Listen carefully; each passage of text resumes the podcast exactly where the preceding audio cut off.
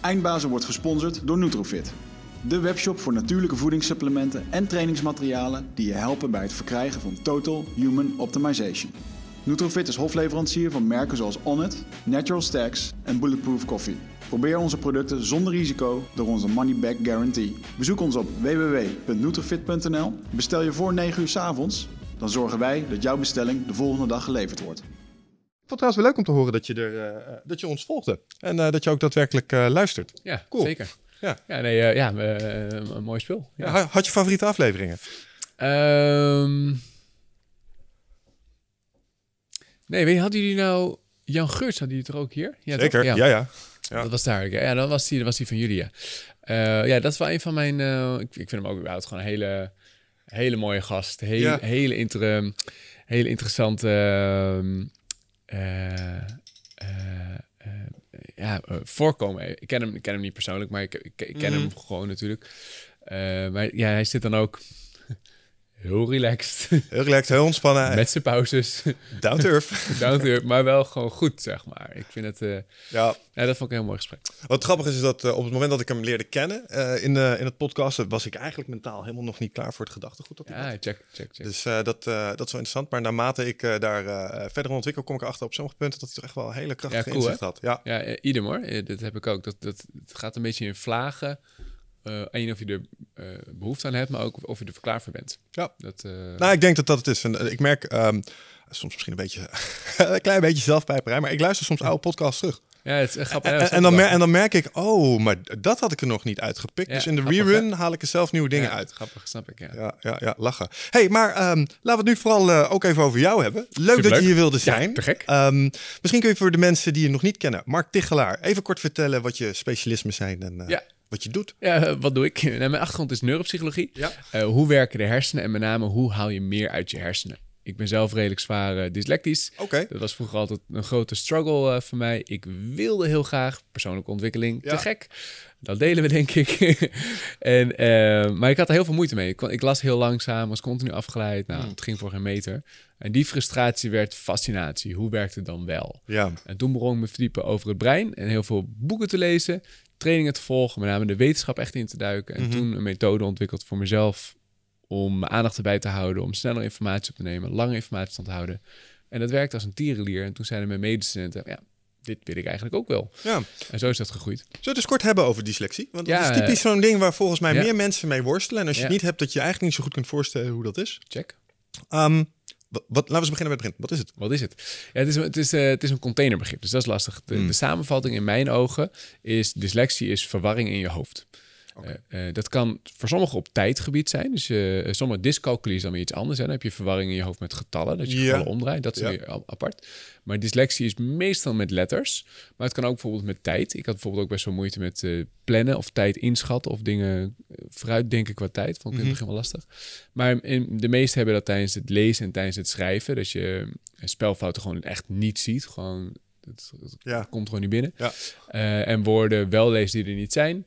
Eh, en eigen woorden ervan maakt. Nou, nu heeft iedereen dat wel eens. Dus mocht je dat hebben, je bent nu niet acuut dyslectisch. Het is niet besmettelijk. Er zijn maandagochtenden geweest waarin ik dit herken, ja. Ja, dat snap ik, fair enough. Eh, maar ik heb een test moeten doen, die was vrij pittig. En daar ben Mhm. ik voor geslaagd. En toen ben ik een officieel dyslecticus. Oh, nou, van harte, ja. maar zo is dat gegaan. Ja. Oké, maar het is dus een, een stuk verwarring. En, en wat Ja. is met name de hinder die je ervan ondervindt? Want Nou, ik, ja, op twee vlakken. Eén, eh, bijzonder traag in lezen was ik vroeger. Was echt letterlijk de traagste van de klas. Mhm. Eh, en ehm, eh, met spelling was gewoon echt belabberd slecht in, schrijven. Ehm, dus dat was wel een, eh, een, een uitdaging. Ja. Ik ben nog steeds dyslectisch. Dat kan je ook niet oplossen. Dat hou je altijd. Maar de symptomen, die kun je wel heel goed tackelen. ja, even terug naar het. Is, is er een neurologische oorzaak voor mensen Een met hele goede dyslexie? vraag, weet ik niet. Er zijn wel verschillende. Eh, ja, er zijn heel veel verschillende. eh, Met zuurstofgebrek bij de geboorte is een theorie. Er zijn heel veel verschillende theorieën die, die wel iets neurologisch eh, Mhm. beweren. Maar ik heb daar geen eenduidig antwoord op kunnen vinden. Nee, ja, ik merk toch wel dat ook, je, je komt het ook wel eens tegen, ook veel met kenniswerkers en informatiewerkers, dat er wel een stigma op kleeft. Ja, mensen zijn niet super enthousiast om te delen dat ze Nee. dyslexie hebben, omdat je tegelijkertijd denkt, en dat is een onrechte, maar dat zou ook wel iets met intelligentie te maken hebben. Ja. Maar dat is dus geen zin nee, dat, zit, eh, dat staat los van elkaar. Ja. Dus dat is, eh, eh, nee, dat is gelukkig niet het geval. Nee, oké. En, en die frustratie heb jij weten om te turnen in Check. wat je zei, fascinatie. Ja, exact. En, en toen ben je, waar ben je gestart? Eh, ik ben eh, toen ik mijn 18e, net twee weken na mijn eindexamen weer duidelijk, nou, dan kreeg ik het stempeltje, je bent dyslectisch. Ik denk, ja, dat is net iets te laat nu, Ja. ik krijg niks aan. Maar goed, fair enough. Het verklaarde een hoop, maar het veranderde niks. Ja. En toen begon dus die zoektocht van, ja, maar ik wil gewoon naar de universiteit, ik wil psychologie doen, ik wil nou, psycholoog worden, al die, die, die kant wil ik op. Eh, dus toen echt als een malle eigenlijk boeken gaan lezen. En dat ging in het begin echt letterlijk heel traag. Maar gewoon trainingen gevolgd, boeken gelezen, trainingen gevolgd, boeken gelezen. En beetje bij beetje denk ik, ja, dit werkt wel, dit werkt niet. Als ik Mhm. het zo aanpas, werkt het beter. En zo, nou, binnen twee jaar ongeveer, ja, had ik mijn eigen methode erin on- gevormd. Dus dingen zelf bedacht, dingen gecombineerd van anderen. Tuurlijk, En met ja. name heel veel uit de wetenschap gehaald. Dat is eigenlijk de, de kern. En zodoende. En zo begon ik eh, eh, mijn eerste trainingen te geven op mijn negentiende. Ja, In de kroeg. in de Het moet klein beginnen. moet klein beginnen. Was Ja, zeker. Nou, inmiddels is dat uitgegroeid eh, naar iets meer. Ik, ik was wel onder de indruk. Je hebt best wel wat mensen weten te raken inmiddels eh, Ja. met wat je doet. Ja, klopt. 100.000 plus, zag ik. Ja, we Dus zitten over niet de gering. 100.000 heen. Ja, dat is Ja. best wel veel. Moet Ja. fijn voelen. ja, dat is echt top. Is echt heel leuk. Ja. Ja, nou, maar ik kan, me, ik kan me ook levendig voorstellen dat even los van het feit of je dyslexie hebt, er zijn andere dingen die te maken hebben met focus, waar ik mezelf wel in herken. Ik ben geen eh, officieel gediagnosticeerd DRD, maar ik heb zeker die trekjes eh, Ja. zo af en toe. Ik ben in staat om eh, onderweg naar de douche afgeleid te raken en een uur later achter de computer een mailtje zitten doen. En ik denk, ja, waar was ik? Oh ja, de douche staat nog aan. Ehm, dus afleiding is een echt ding. Is een ding, Ehm, ja. En daar kun je mensen volgens mij echt wel hun leven een positieve impact mee geven. Nou, zeker. Het is, het, is, het is echt het onderwerp waar ik echt volledig verliefd op ben geworden. Mm. Focus. Als je kijkt naar de wetenschap, naar het brein. Snel lezen is fantastisch. Geheugentraining is fantastisch. Time management is leuk. Maar de echte kern is hoe goed ben je in staat om je aandacht te managen? Hoe goed ben je in staat om je aandacht bij een gesprek te houden? Hoe goed ben je in staat om de aandacht te wisselen als je onderbroken wordt? Kan je dan weer jezelf herpakken? Hoe snel kom je zelf in een productieve flow? Hoe doe je dat? En hoe stop je die denkmachine aan het einde van de dag dat je hoofd niet blijft doortollen? Allemaal die facetten, hoe gelukkig je bent, heeft wel een heel groot deel ook, niet volledig, maar voor een groot deel heeft dat met focus te maken. Eh, hoe goed kan je het hier en nu leven? Al die facetten hebben allemaal met focus te maken. En Ja. dat, het, is een heel veel raak, heel veel, het raakt heel veel elementen aan. Ja, En dat vind ik te gek. Maar iets waar ik aan moet denken is dat ehm, een gevleugelde uitspraak eh, hier nog wel eens is dat eh, voortgang niet meer is dan een uitgifte van tijd en energie. Mhm. Uh, maar die, die uitgifte, zeg maar, daar gaat iets aan vooraf. Ja. En dat is die loop. En dat is wat, Ja. wat focus en concentratie Check. is. Het is tijd maal focus bepaalt je productiviteit. Ja. Ja. Als je een lage focus hebt, maar je bent uren aan het maken, is zonde van je tijd. Is dat ook waar je relatie met geluk zit? Omdat ik Ja. denk dat mensen die in staat zijn om voortgang te boeken om dingen die ze graag Zeker. willen. Het gaat verder dan dat, maar je hebt zeker gelijk. Dus dat is zeker waar. Hoe vaak heb je niet gehad dat, dat je druk bent, maar niet echt productief? Dus je aan het einde van je net dat bekende uitspraak. Maar dat heeft Dat heel heb ik erg. eigenlijk gedaan vandaag. Ja, ja, Ja, ja, ja, ja, dat is ja. zonde. Ik heb gas gegeven, maar ja, ik heb hard gewerkt, maar een beetje in eerste stelling blijven hangen als het ware. Dat, Ja. dat is zonde. Ehm, dus daar heeft heel erg mee te maken. Als je geen grip op je focus hebt, dan ga je veel meer hap-snap werken. En dan is het moeilijker om de, om de diepte in te duiken. Mhm. Ja, dat geeft gewoon minder voldoening. Maar een ander element, en dat is ook wel interessant, dat afdwalen, wat was heb tijdens, eh, tijdens gesprekken of tijdens het lezen, dat je aan het einde van de pagina achterkomt, shit, dat Mhm. idee, want dat heb ik ook weer gelezen. Eh mind wandering wordt op, op zijn Engels genoemd. Onderzoek van Harvard laat zien dat dat een directe relatie heeft met ongelukkig zijn. Ah, Het is staat haaks op in het nu zijn, hier en nu zijn. Als je hier in het nu bent, Mhm. dat is focus. ja. Maar als je afdwaalt, dan ben je ergens in het verleden of ergens in de toekomst, maar niet hier. En hoe zit het met, want ik, heb, ik herken het, zeg maar, dat je in een activiteit plots ehm, een soort naar achter gaat in je hoofd. En, ineens gaat er een andere zorg of iets eh, gaat er spelen waar je mee Exact. bezig gaat. Dus dat vaak de capaciteit, die snap ik. Ik heb ook wel eens begrepen dat, ehm, dat mind-wandering aan, zich niet slecht hoeft te zijn, omdat het ook een manier is van de hersenen om een soort van te defragmenteren. Je zet de spijker op zijn kop. Oké, En Dat is, dat is superleuk zegt, dat klopt. Het officiële term is default mode network, wat dan geactiveerd Ja, wordt. En dat is na het opladen, eh recharge, eh, precies eh, structureren, opruimen. Je zet de spijker op zijn kop. Hm. Alleen, de truc is, heb je er controle over? Als je er geen controle over hebt, ja, dan, dan, dan is het lastig. Als je, de truc is om daar grip op te krijgen. Als je Ja. er grip op hebt, kan je het inzetten op momenten dat je het wilt. Als ik nu met jou in gesprek ben, wil ik niet gaan lantefanteren of afdwalen naar gesprekken die ik gisteren heb gevoerd met mijn vriendin. Gespe- en taken die ik straks nog moet doen. Ik wil nu hier aanwezig zijn. als ik later na dit interview aan het relaxen ben, dan is het goed om even af te dwalen, te relaxen, te ontspannen. Ja. Tegelijkertijd is Oh, er wel een soort space die er ontstaat. Want je zegt het, want ik merk dat ik, nu we het hierover hebben, dwaal ik af naar gesprekken die ik heb gehad met mijn vriendin. Maar dat ging omdat het over default mode network ging. Cool. Dus af en toe is het. gesprek heb je. Ja, ja, ja. Dus af en toe eh, maak je wel een soort mentaal uitstapje. Waarin ik, hey, hier hebben we het. Dus je associeert. Ja. Maar dan ben je er ook niet meer 100% bij. Want ondertussen probeer ik na te denken over hoe ik dit hierin ga passen. En het nadeel is, de default setting van ons hoofd is associëren, is creativiteit. Aha. Eh, daarom kinderen zijn van nature ook veel creatiever dan wij, want we trainen ze in productiviteit. Productiviteit en creativiteit zijn elkaars tegenpolen. Wat Leg, we, nu, uit. wat we nu hebben is, is een gesprek. We zijn ge- gefocust op dit onderwerp. Als je nu gaat afdwalen naar Zwitserland of naar andere, dan, dan ben je heel creatief. Mhm, maar dan ben je niet meer in het moment. Dan, dan is het niet meer productief. Productief zie ik als, als output leveren. Ja, Creativiteit zie ik als input creëren of eh, eh, ideeën bedenken. ja. Dingen analyseren, bekritiseren, connecten met elkaar. We Ik snap hem. Ik snap hem. Ja, ik, ik, ik heb hier ooit een keer een analogie van Guido Wijs gehoord als het ging over, eh, ik geloof, endorfine, serotonine, eh, Mhm. knikkers, geluksknikkers. En sindsdien denk ik in termen van knikkers. En wat je eigenlijk zegt is aandachtsknikkers. Ja. Ik gooi ze of allemaal in dit ene bakje en nou Ja. zijn we output aan het genereren. Ja. Of ik strooi ze over een aantal andere bakjes heen. Ze landen er wel in, maar het levert feitelijk niks op. Ja, ik, ik, ik, ehm, ik weet niet zeker of ik me dan goed interpreteer. Ik zie creativiteit als iets super belangrijks. Dus Mhm. het is een belangrijk ehm, eh, ideeën bedenken is echt cruciaal.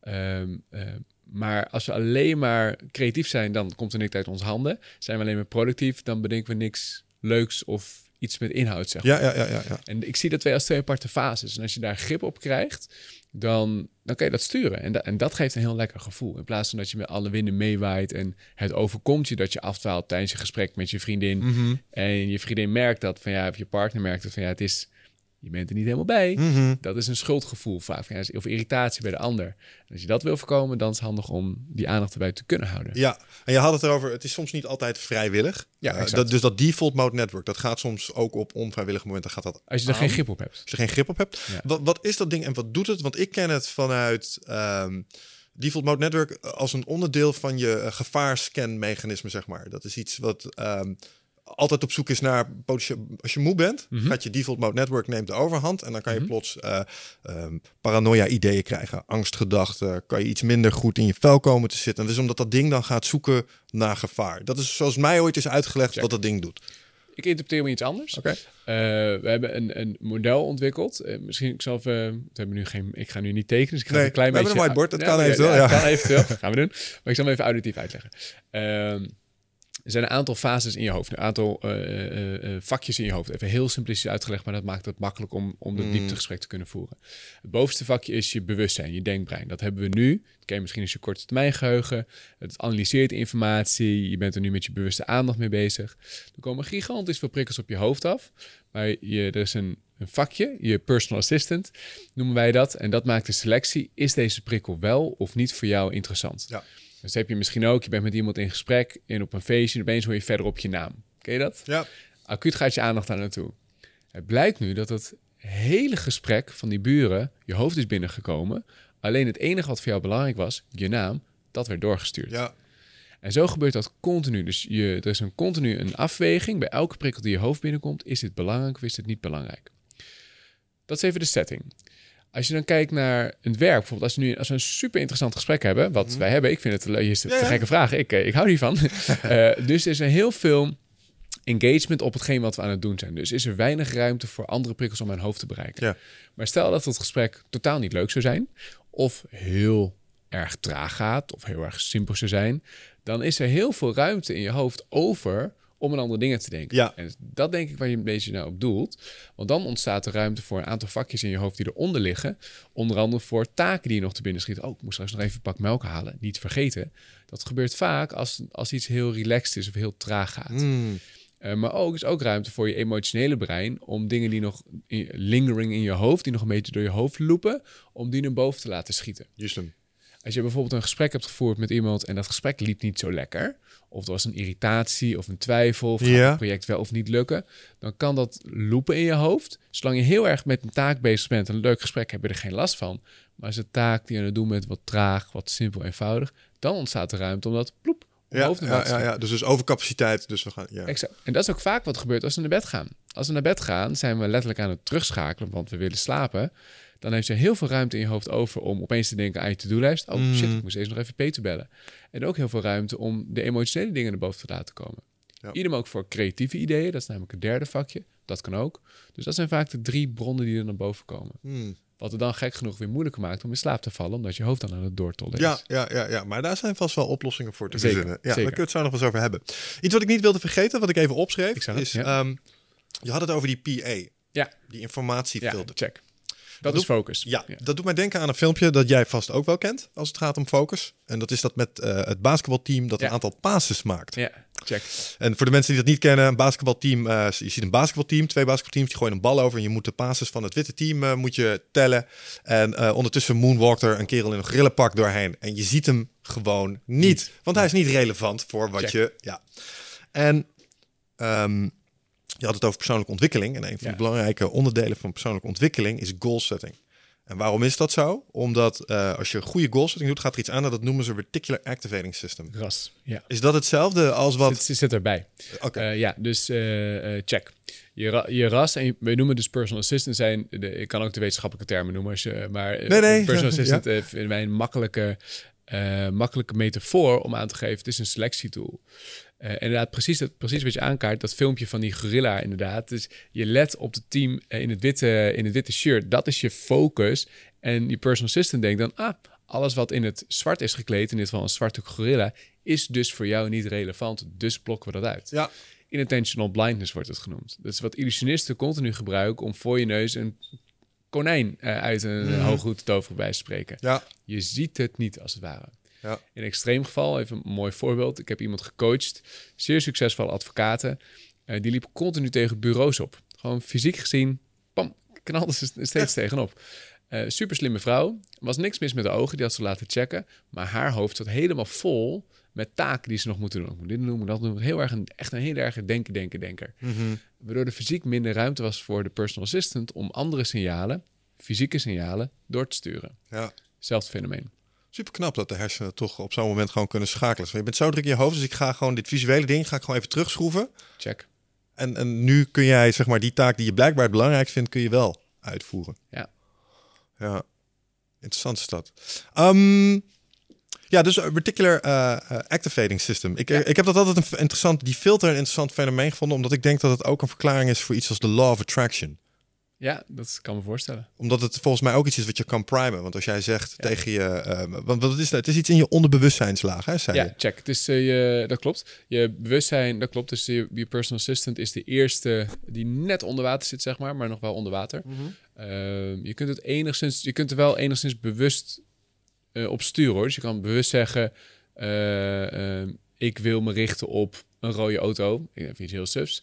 Dan is de kans wel groter dat je het eh, ziet. Nou, dat is exact het voorbeeld wat we altijd aanhalen. Ja. Je, je- kijk, je hebt een hele stroming die zegt van ja, als je doelen stelt, dan gaat het universum ervoor zorgen dat het allemaal komt. Ja. Denk, dat, misschien lijkt dat zo, Ja, maar wat er eigenlijk volgens mij gaat is dit ding. Dan dat is Ja. het geëikte grapje dan. Ja, wat gebeurt er als jij eh, op zoek bent naar een nieuwe Audi? ja, Overal Audi's. ja. Heel veel Audi's. Ja. dat je denkt, hè, waren die er altijd al? Ja, die je waren er bijna wat van gaat denken. Ja. dat. En ik denk dat dat wat is wat de law of attraction is. Het zou kunnen. Ik denk dat het zou kunnen dat er een ander co- component, een spiritueel component, ook meespeelt. Dat sluit ik niet uit. Oké. Maar dit is ook zeker de, mm, eh, de anatomische basis, is dit. Ja, Dat zeker. Ja, interessant. Nou, en dat, dat kun je dus. En eh, wat ik er interessant aan vind, is dat. ehm, kijk, ik wist wel een beetje dat je het kon eh primen voor goal setting. Maar je kunt het dus ook inzetten voor het stukje focus. Ja. Om de productiviteit er letterlijk mee te verhogen. Nou, sterker nog, je personal assistant is, eh, is het selectiemechanisme. En als dat onderdeel van je brein niet goed functioneert, dan kan zelfs het, het, het kleinste geluidje al afleiden en Ja. uit de flow halen. Het andere woord voor focus is in mijn ogen flow. Dus dat is in wezen komt het hetzelfde neer. Dat je gewoon veel kunt doen en weinig stress ervaart. Maar een van die twee dingetjes om daar een laagje dieper in te gaan, is je personal assistant heeft twee stofjes in je hoofd nodig om goed te kunnen functioneren. Oké, Het zijn ja. twee neurotransmitters, dus noradrenaline en acetylcholine. Is de brandstof van je focus, is de brandstof van flow, is de brandstof van je productiviteit. Op een gegeven moment zijn die stofjes op. Ja. Heel simpelweg. Net als eh, heel simpel. Die rode auto weer. De benzine is op een gegeven moment op, is gewoon weg, is voetzie. Mhm. Als je dan langer doorgaat, dan ga je op een lege tank te rijden. En in je hoofd kan dat nog wel heel even, maar dan ga je de reservetank aanspreken. Mhm. En wanneer als je die reservetank gaat aanspreken, dan ben je aan het interen. En dat, die prijs is gigantisch hoog. Wat, wat, wat eh, consumeer je dan eh, in plaats van die non-adrenaline en wat was die tweede die je zei? Acetylcholine. Ja? Uh, consumeer je nog steeds dezelfde stofjes, maar de reserve, uh, reservevaten daarvan Ja. als het ware. Maar dan leen je letterlijk je productiviteit van morgen. Hmm. En het effect is dat je op dat moment nog iets langer door kan gaan. Alleen de volgende dag heb je een diepe dip in je productiviteit. Kan ik dat zien als glycogeen in je spieren? Als je echt diep gaat, ga je op een gegeven moment eh, met krachttraining, ga je glycogeenvoorraden in je spieren ga je aanspreken. En dat put je echt, echt, Ja. echt uit. Ja. En daar heb je de volgende dag, merk je gewoon, oh, alles is vermoeider als normaal. Ja, ik vergelijk dat met het nemen van een ecstasy-pilletje. Als iemand een, eh, een ecstasy-pilletje neemt, op dat moment eh, leent iemand de gelukstofjes van morgen. Ja. En op dat moment voelt die persoon zich gelukkiger. Alleen daarna is er een diepe dal in somberheid. En het duurt even voordat je die, die reserves dan weer hebt aangevuld. Dus die somberheid kan best wel lang aanhouden. Ja. En dat ik, maar het zou kunnen met spieren, dat weet ik te weinig van spier. eh, af. Is er een merkbaar moment waarop je weet, ik ben nu aan het overschakelen op mijn reserves? Is namelijk Nee, de- dat is heel moeilijk te, te Ja, merken. Dat, dat is, toevallig had ik gisteren met een, eh, iemand exact hetzelfde gesprekje over van hoe voel je wanneer ik moet stoppen. Dat is lastig, want dat, is, dat gaat heel eh, subtiel. Maar je kunt het onder andere merken aan twee dingen. Eén, ik ben nu trager. Van eerst was ik snel Mhm. aan het typen, nu ben ik gewoon langzaam aan het typen. Dat is gewoon, die output wordt minder.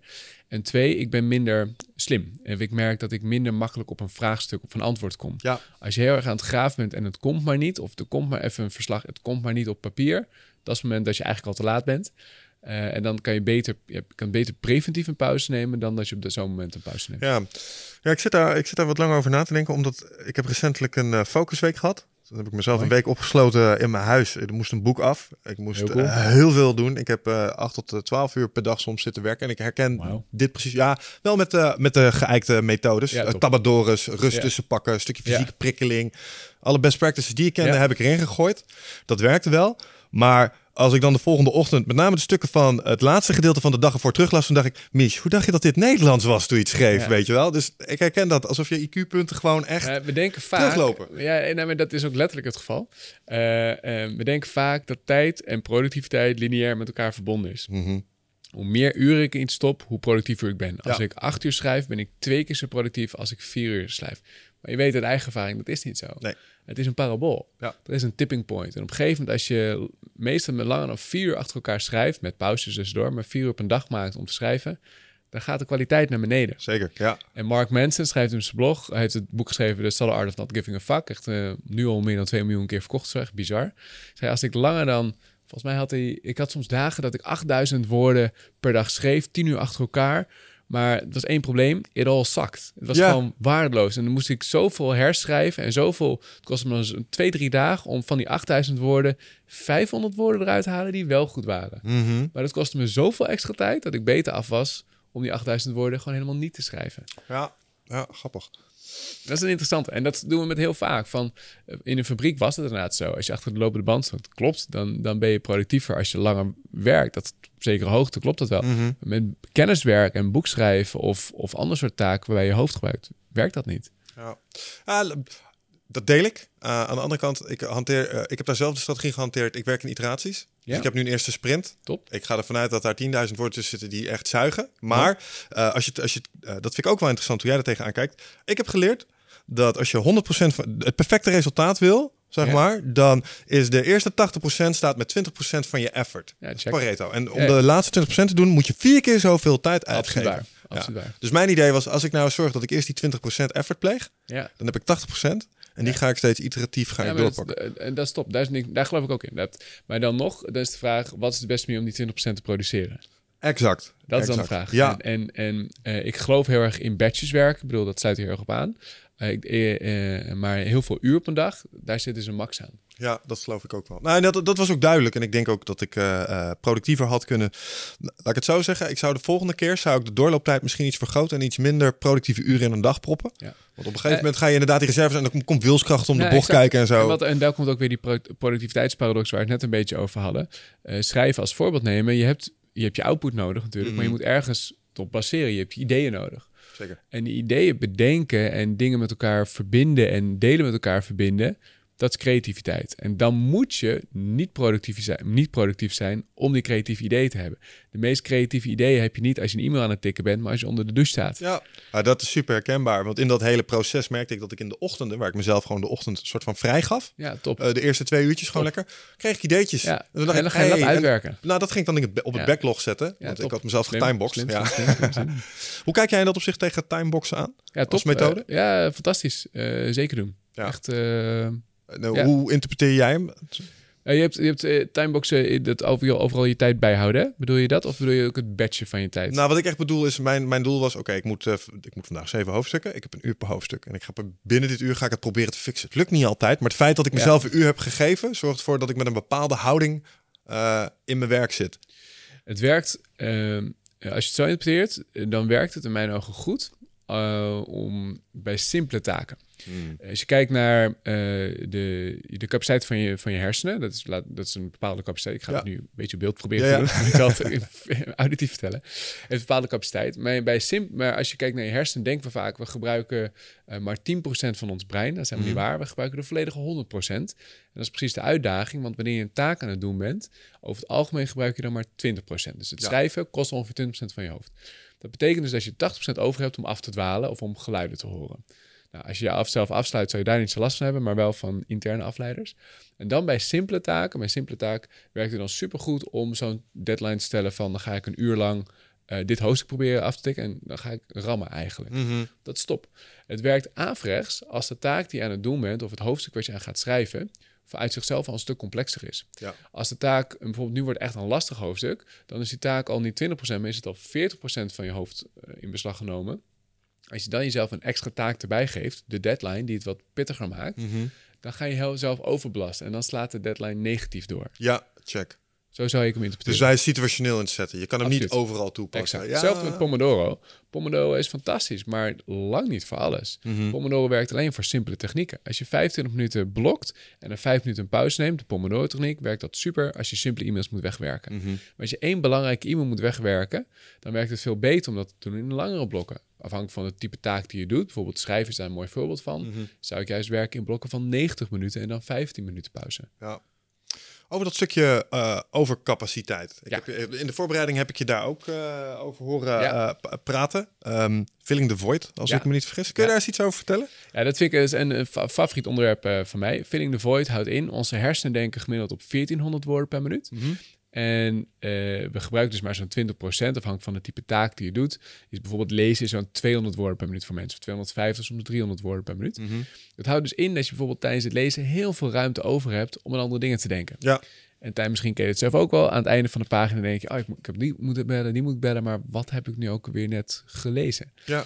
Als je wat sneller leest, niet op 300 woorden per minuut, maar 4, 5, 6, 700 woorden per minuut, heb je fysiek gezien minder ruimte over om aan andere dingen te denken. En daardoor zit je meer in de taak, je meer engagement als het ware. Dan neem je makkelijker de informatie tot je.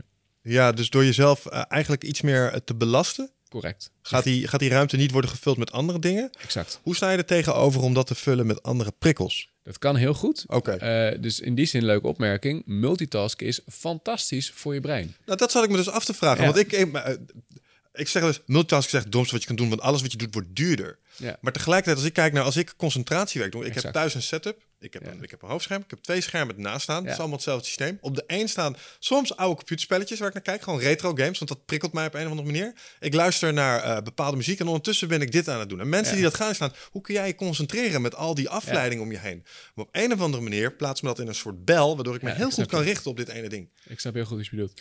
Het idee dat multitasken slecht is, is achterhaald. Er zit wel een nuance in. Dus dat, dat is interessant, omdat het is een spectrum. Het is niet zo zwart-wit. Ik leuk om het even prikkelend zo te zeggen, maar Ja. er zit zeker een nuance in. Ehm, een voorbeeld. Eh, muziek luisteren tijdens het werk. Een aantal mensen zullen het doen. Sommige mensen vinden dat niet fijn. Dat is oké. Maar als je het fijn vindt om te doen, blijkt het onderzoek. Dat werkt ook inderdaad heel goed voor je hoofd, want het vult die leegte op. Ja. Maar de voorwaarde die er aan gekoppeld is, is... Is het bekende muziek voor jou? Ja. Of is het nieuwe muziek? Als jouw favoriete artiest een nieuw album heeft uitgebracht op Spotify en je gaat dat luisteren terwijl je een saai verslag zit te tikken, drie keer rijden waar je eigenlijk naartoe gaat. Ja, ja, ja, naar de muziek. Dan, dan heeft de doeltaak, het verslag, leidt eronder. Als jij muziek hebt, ik heb bijvoorbeeld 90% van, van mijn nieuwe boek heb ik geschreven op één playlist. Oké. That's it. En dat, is, dat heb ik over en over en over opnieuw gehoord. Is niet saai, het is Nee. focus. Ah, ik Brengt heb- je in die zone. Precies wat je ook hebt. Bekentenis. ehm, ik eh, denk dat ik eh, deze week heb ik twee nummers heb ik echt ongelooflijk veel gehoord. Maar de meeste was Kiasmos Looped. Er zijn video's. Er staat Ja. die gewoon 2,5 uur op loop op YouTube. Nice. En die heb ik drie, vier keer opgezet. Het is hetzelfde nummer over en over en over. het is hetzelfde idee. werkt. Hetzelfde idee. Ja. Je hoort het niet echt meer.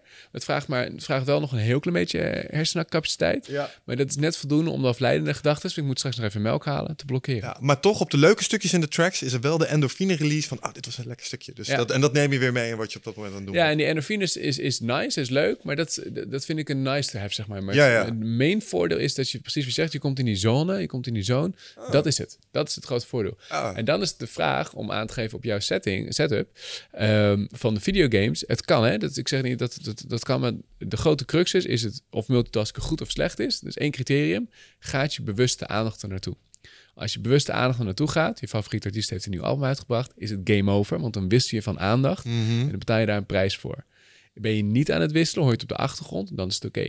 Ja. Dus gaat je aandacht naar de videogames, is het game over. Hoor je het op de achtergrond en kijk je er letterlijk niet naar, maar de prikkels komen wel binnen, Mhm. top, dan is het perfect. Ja, ah, het is wel grappig dat je zegt dat die endorfine een nice to have is. Ik merk toch dat het, het is een beetje als trippen eh, in dat opzicht. Flow. Set en setting doen er namelijk toe. Ja, Als ik namelijk mijn Zeker. Kate niet aan de kant heb, Ja. dat, daar kom ik er niet in. ja Ik moet eerst, ook al zie ik de keuken niet, hij moet aan de kant zijn. Want die hele, se- en als ik een schoon opgeruimde keuken inloop, dat is heel gek, maar dus ben, dus ben ik, dan gaan er endorfines af. Dat vind ik fijn. Ah, mooi. De zooi is aan de kant, weet je wel. Dat, eh. Dus eh, tegelijkertijd, eh, en, en de muziek, idem dito. Ehm, ik gebruik sommige nummers om, oké, we gaan het nu doen, weet je wel, want ik Ja, heb geen snap, zin. Ik dus, snap je. dus ik snap je. Ja. die-. Nou, in die zin, eh, ik, wil het niet eh bagatelliseren, want ik vind het top. Maar als, als, vanuit mijn optiek, die endorfine is top. Maar wat ik nog belangrijk vind, het zorgt voor een soort eh, focusritueel bijna. Een soort Mm. eh, dezelfde muziek, zelfde, dus je een soort vast ritme ook hebt. Dat is top. Maar met name het blokt de afleidende gedachten. Het vult de leegte op. ja. Filling the void.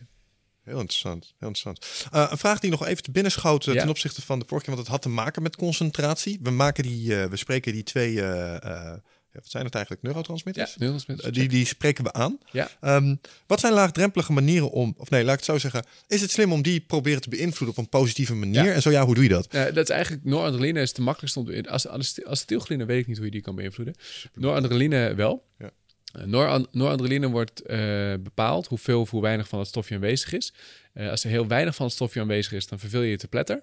Is er te veel van het stofje aanwezig, dan ervaar je te veel stress. Hmm.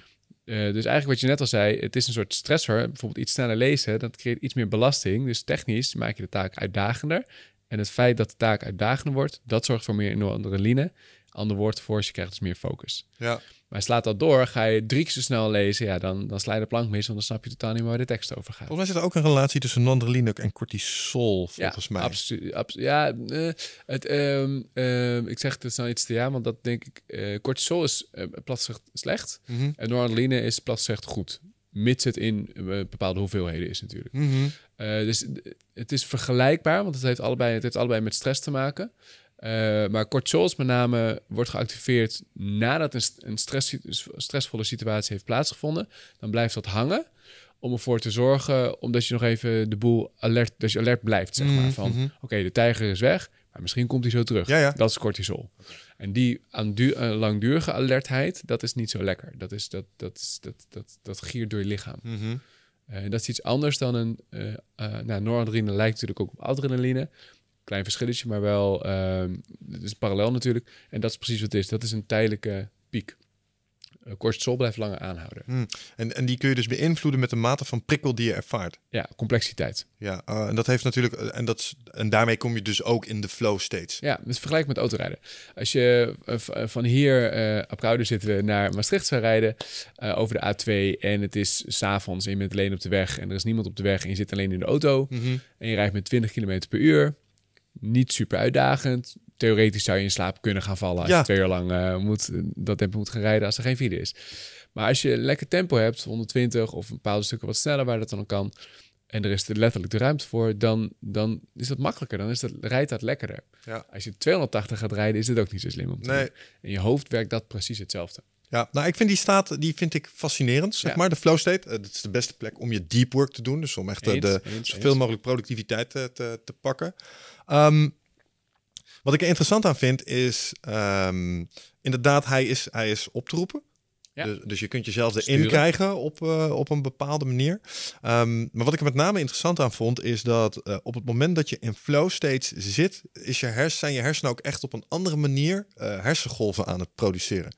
Weet jij daar, weet jij daar wel dingen van? Dat valt een beetje buiten mijn vakgebied, maar ehm, het simpele antwoord is ja. Mhm. Eh, en hoe dat dan precies werkt, dat durf ik je niet te zeggen. Ik bekijk het dan op een iets ander niveau, in dit geval op neurotransmitterniveau. Eh, en daar, daar hebben we verleden, ja, volledig hebben we voor een heel groot deel controle en grip op. Uh-huh. En dat is wat mij fascineert aan flow. Flow is niet iets van, oh, ik hoop dat ik in flow kom. Ehm, nee, er zijn manieren om dat te, te, te, eh, te creëren, of die voorwaarden te creëren, waardoor je makkelijker in flow komt. Ja. En dat vind ik er zo lekker aan. Misschien moeten we even stilstaan bij wat, eh, eh, wat, wat flow eigenlijk precies is. Ja, Hoe zou je het definiëren? Het is maximale productiviteit met minimale inspanning op een manier die super prettig is. Ja. Je verliest de tijd als het ware. Eh, je zit helemaal in het moment. Eh, ja, het is, eh, het is bijna spiritueel. Je, bent heel, je, bent heel, je zit er gewoon helemaal lekker in, maar op een hele relaxte manier.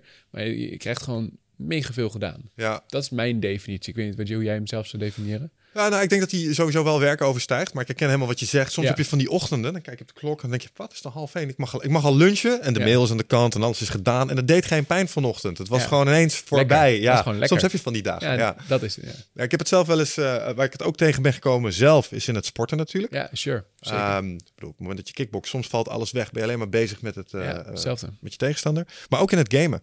Ja, Soms heb je van ik. die avonden, dan eh, ben je schietspelletje aan het spelen en dan win je gewoon. Non-stop Ja. nummer één. Soms heb je van die dagen, dan is het gewoon helemaal Game niks. over, letterlijk. Ja, echt dat. Maar er zijn avonden bij en dan, dan, dan vloeit het gewoon. Ja, tof. Ja. Heel cool. Ik denk dat dat ook flow is. En wat ik zo interessant vind, is een hele duidelijke relatie tussen focus en flow. Hmm. Eh, als je bijvoorbeeld een heel vol hoofd hebt, omdat je nog al je taken in je hoofd probeert vast te houden, eh, anti-David Allen zeg maar, dus alles, eh, getting done, als je dat niet zou doen en je houdt alles in je hoofd, ja, dan blijft dan moet je, moet de taak die je aan het doen zijn extra leuk zijn om die afleidende gedachten te blokkeren. Mhm. Maar als je per definitie al een leeg hoofd hebt, dan heb je een taak nodig die nog steeds prikkelend is, maar heb je minder prikkeling nodig. Wat ik daarmee bedoel? Ja. En dat vind ik een hele interessante. En ehm, eh, het gaat hand in hand. Als jij een, je noradrenaline en acetylcholines niet op orde hebt, omdat je gewoon te lang bent doorgegaan, eh, Ja. je hebt gewoon eh, continu mee aan het overwerken en je neemt geen pauzes. Heel leuk om daar zo nog even wat over te stellen, want daar zijn heel veel leuke onderzoeken over. Ehm, als je dat niet op orde hebt, dan, ja, dan is, kan de taak super prikkelend zijn, maar dan heb je letterlijk de brandstof niet om ermee om te gaan. Ja. Eh, dus er zijn heel veel, en er zijn nog meer van parallellen, maar er zijn heel veel parallellen tussen focus en flow. Mhm. En ik, persoonlijk zie ik om in flow te komen, als om dat te maximaliseren en er optimaal gebruik van te maken, hoe meer je de vier concentratielekken van focus onder controle hebt, hoe makkelijker dat gaat. Ja. Ja. Dat is het spel. ja. Ik hoorde je net al een sprongetje maken naar eh, eh, eigenlijk het systeem werken. Nou, je luistert Ja. naar de podcast, je weet, ik ben daar wel een redelijke neuroot in. Ik vind dat fijn. Ik had, een vermoeden. Ja, ehm, hij komt binnenkort uit. We gaan een tweede interview met David doen trouwens. Oh, het gek. Dat is wel Leuk. leuk. Ja, Oh, heel leuk. ja mooi. Leuk. Ehm, Hij is, hij is te gek. Ja, maar hoe kijk jij tegen het... Want ik hoor je zeggen, focus is eh, voor een belangrijk deel ook al je open loops uit je hoofd gooien. Ja, want zeker. dat zijn aandachttrekkers. Ben, ben Zeker. je zelf ook een systeemwerker in dat opzicht? Ja, zeker. David Allen is ook adviseur in ons bedrijf, dus ik ken hem eh, redelijk goed. Ja, oké. Eh, het is topper. Eh, Doe hem de groeten. Ja, eh, eh, met liefde. Hij is fantastisch. Eh, wat ik ook heel mooi vind, hij is 73 en hij is walking his talk. Hè? Dat, Ja. dat, hij is het ook, vind ik echt super mooi. En ook elke keer als je hem iets aanraadt, een film of een boek of iets dergelijks, dan, ehm, dan pakt hij dat gelijk op. Weet je? Dan, dan pakt hij dat gelijk op een blaadje op, haalt hij dat gelijk uit zijn hoofd. En Ja. wat een heel mooi, een van zijn mooie uitspraken is ook, er is een verschil tussen druk zijn en druk voelen. Hij is super druk, maar hij voelt het niet. Mhm. Dat, dat is top. En dat komt door het systeem ook. Hij heeft een Ja. heel duidelijk eh, zijn eigen methode. En ik heb mijn eigen aanpak erin gebaseerd op Getting Things Done. Maar ik, ik, ik, ehm, het is niet, ehm, met alle respect, eh, Getting Things Done is een heel belangrijk element, maar het is Mhm. niet het enige element. Nee, dat snap ik. En dat vind ik, eh, in mijn ogen zijn er vier concentratielekken. Eh, en een ervan is de interne prikkels, je taken, je emoties, je creatieve ideeën. Dat is Getting Things Done. Super belangrijk. Mhm. Een hele dominante eh, afleider. Ja. Maar een andere concentratie- concentratielek waar we net over hadden, is die personal assistant heeft te weinig brandstof. Als je dat niet op orde hebt, ja, dan Getting Things Done, gaat je daar geen antwoord op geven. Mhm. Een andere concentratielek is dus te weinig engagement. Als wij super, wederom waar we het eerder over hadden, als we super traag praten, dan haken de luisteraars terecht af. Ja. Ik moet ook niet te snel praten, dat is dan weer balans. En de vierde concentratielek zijn de externe prikkels. Je telefoon, e-mail en collega's. Ja. En het is dat spel, in mijn ogen, wat zorgt voor flow. In mijn ogen is dat ook het einddoel. Eh, ik noem het zelf rust, overzicht, controle in de hectiek van de dag. Ja. En dat krijg je door die vier lekken stapsgewijs, systematisch te dichten. Ja. Eh, en Getting Things Done is daar één van, maar het is niet de enige in mijn Nee. ogen. Laten we even dan een van die lekken nog even afmaken, want daar Ja. begonnen we straks aan. Het eh, proactief beïnvloeden van die neurotransmitters, want Ja. ze waren belangrijk. Hoe, hoe, wat zijn goede manieren om daar iets mee te doen? Er zijn een paar methodes. Eén, je kunt een taak uitdagender maken, want dat, dat is het spel, uitdagender maken, Mhm. door een fractie sneller te werken. Dus als je merkt dat je afvalt tijdens het lezen, lees een millimeter sneller. Je hoeft niet gelijk hocus pocus te lezen, maar laat je ogen wat sneller over de regels heen rollen. Digitaal van een, van een papier, voor dit specifieke toepassing maakt dat niet uit. Eh, of type een stukje sneller, hetzelfde Ja. idee. Andere manier om taak uitdagend te maken is zelf een, een lichte deadline opleggen. En dat, eh, dat, hè, wat je ook zei met het schrijven. Mhm. Eh, dat werkt goed voor simpele taken, maar, maar niet dus voor complexe taken, want dan slaat het juist door. Een andere manier is, een hele andere insteek, is door jezelf een extra taak erbij te geven. Nou, muziek luisteren kan er één van zijn, dat is een hele simpele. Het werkt ook supergoed om nutteloze tekeningetjes te maken tijdens het telefoongesprek. Ja. Doodling, dat ken je misschien, uit onderzoek blijkt dat je 29% geconcentreerder bent als je het doet. Eh, want die doodles, Alleen maar. I know, ik zie, ik zie het. Eh, maar die doodles, die, die, die activeren niks. Maar het, vorm, het vult de leegte op als de taak te traag is. Als iemand aan de lijn, andere kant van de lijn een punt wil maken en jij bent er al. Ja, En eh, die persoon aan de andere kant van de lijn nog niet. Eh, maar dan is het fijn om, om, om die leegte een beetje op te vullen met iets heel simpels. Ja. Ga je die tekeningen in 3D tekenen met schaduweffecten... Ja, dan ben, je, dan ben je echt aan het task switchen. Dan slaat het door. Dan, ja, oké, oké, oké. Ja, nee, oké. Nou, deze hadden we er straks al een klein beetje gekocht. Ik zat te denken eh, meer in de richting van... zijn er manieren bijvoorbeeld om eh, middels mindfulness oefeningen... daar iets in Oh, te stel te doen? Voeding eventueel. Een aantal van die dingen hè, zouden potentieel met wat je eet beïnvloed worden. Nee, ehm, dat is niet mijn aanpak. Dat zou kunnen dat voeding je noradrenaline niveaus beïnvloedt, maar dat zou ik niet 1, 2, 3 weten. Nee, oké, zijn wel standaard voedingsdingen als avocado's de, de omega. Dat makes sense, zeg maar. Helder. Maar, eh, en mindfulness, ehm, dan heb je het eigenlijk over het trainen van je concentratiespier. Daar geloof ik, ik geloof heel erg in mindfulness. Maar ik, ik vind mindfulness niet eh zaligmakend. Zeg maar, heel veel mensen zeggen, oh, ik wil mijn concentratie trainen. Oh, dan ga ik mijn concentratiespier, noem ik het maar even. Mindfulness Mhm. ga ik trainen. Eh, ik- ja, dat, dat vind ik een te beperkte aanpak. Je moet eerst je, eh, je engagement op orde hebben, de vier lekken op, op orde hebben. En Ja. als je dat op orde hebt, meditatie hetzelfde. Meditatie is fantastisch, maar het is niet zaligmakend voor, voor je hersenen. Mhm. En de, de- ook wat heel vaak gedaan wordt, ik heb heel hard gewerkt en dan ga ik even afwisselen met heel intens sporten. Dat is technisch gezien hetzelfde voor je hoofd als doorwerken. Super boeiend. Dus dan de sporten wordt dan als ontspanning gezien, omdat het leuk is, omdat het gezond is voor het lichaam, Mhm. maar niet voor het hoofd. Nee, want je bent natuurlijk ook gewoon... Ik bedoel, als je hard traint kun je jezelf neurologisch verstoren. En dat is niet in de laatste plaats omdat je misschien wel oefeningen aan het doen bent die zwaar zijn. Maar ook omdat je bewegingen maakt die je aan het leren bent. Ja, het is Eh, focus. je, je zet je hersenen gewoon in. Het is focus. Om, en dat, vind ik, dat is ook het punt wat ik heel graag zou willen maken over, over opladen. Heel vaak beoordelen we pauzes op basis van... is dit leuk om te doen? Ik ben een taak aan het doen, Excel, mwah, vind ik niet leuk. Ik gun mezelf nu een pauze. Een super interessanter YouTube-filmpje over een vakinhoudelijk onderwerp. Ik bedoel, die neiging had ik vroeger ook. Ja, ja, ja, ja, ja. Maar technisch gezien is dat geen pauze. Een criterium voor een pauze is: neem je nieuwe informatie op, dan is het gewoon werk. En twee, ben je aan het afdwalen of niet? Als je niet aan het afdwalen bent, heb je geen pauze. Hmm. Dus om die reden een podcast luisteren, ik bedoel, fantastisch. Ik bedoel, dat die, we hebben, het is je Ja. werk, maar het is ook, het is ook hè, ik vind het zelf ook fantastisch om te luisteren. Maar het is technisch gezien geen pauze. Mensen die dit doen om te ontspannen, je bent niet aan het uitrusten. Je bent niet aan het uitrusten. Hopelijk, want anders zou het betekenen dat het niet interessant is was. exact. Precies. Eh, maar sporten, idem dus. Sporten is dus fantastisch, maar dan heb je geen nieuwe informatie, neem je op. Tenzij je echt nieuwe dingen leert, maar in Mhm. principe neem je geen nieuwe informatie op. Ehm, maar omdat je niet aan het afdwalen bent, is het geen pauze. Meditatie, als je meditatie goed doet, tenminste afhankelijk van de vorm van de meditatie die je Mhm. doet, maar als je de traditionele vorm doet van ik richt mijn aandacht op aan, in- en uitademen, ben je niet aan het afdwalen. Het is geen pauze. Yoga, idem, is geen pauze. Mhm. Het is niet zo gek dat, we met, dat heel veel mensen een burn-out hebben en stresscluster hebben. Het heeft in mijn ogen vrij weinig te maken met de hoeveelheid inspanning die geleverd wordt, maar het gebrek aan de juiste ontspanning. Even Netflix is ook geen ontspanning. Het is superleuk, dat is het probleem. Ja. Het is geen pauze. Hoe rust jij? De beste pauze eh, is wandelen. Of laag intensief sporten. Hmm. Eh, of eh, mediteren waarbij je bewust afdwaalt. Ah, ja, Dan is het ook goed. Ja. En naar buiten staren is een perfecte pauze. Ik, ik kijk ook Netflix. Ik bedoel, het mag duidelijk zijn. Ik luister ook nog steeds met liefde podcast, Ja. waaronder deze. Dus ik doe het ook, maar ik weet wel, dat is dus niet een pauze. Nee. Autorijden is superleuk, is geen pauze. nee, nee, nee. Super. Eh, eh, sporten, hardlopen met een podcast, wat veel mensen doen, wat ik vroeger heel veel deed, eh, is geen pauze. En als je op die manier naar je leven gaat kijken en in gaat delen van hoeveel echte pauzemomenten heb ik, Mhm. dan zijn het over het algemeen schrikbarend weinig. Ja, nee, dat realiseer ik me ineens. Social media, fantastisch, leuk af en toe, maar geen pauze. Dat zijn prikkels. Is nieuwe Hmm. informatie. Ik ken iemand die, nou, ik, ik, ik coach iemand, ehm, eh, eh, ik ga haar Stephanie noemen, Eh, heet ze niet, maar Stephanie is 16 jaar, heeft een burn-out. 16 jaar, heeft een burn-out. Mm. Superleuke meid, super slim, leuk gezin, leuke vrienden. Kreeg alleen 600 WhatsApp berichtjes per dag. Allemaal leuke berichten. Allemaal Ja. leuke berichten. Allemaal nieuwe informatie, allemaal prikkels. En dan nog eens de sociale SLA eroverheen. Dus je moet ook nog eens binnen een bepaalde tijd eh, No eh, reageren. Ja, no pressure. wel binnen twee minuten, hè? Want er zijn blauwe vinkjes, dus eh, je moet wel. Ja, Super boeiend, hè?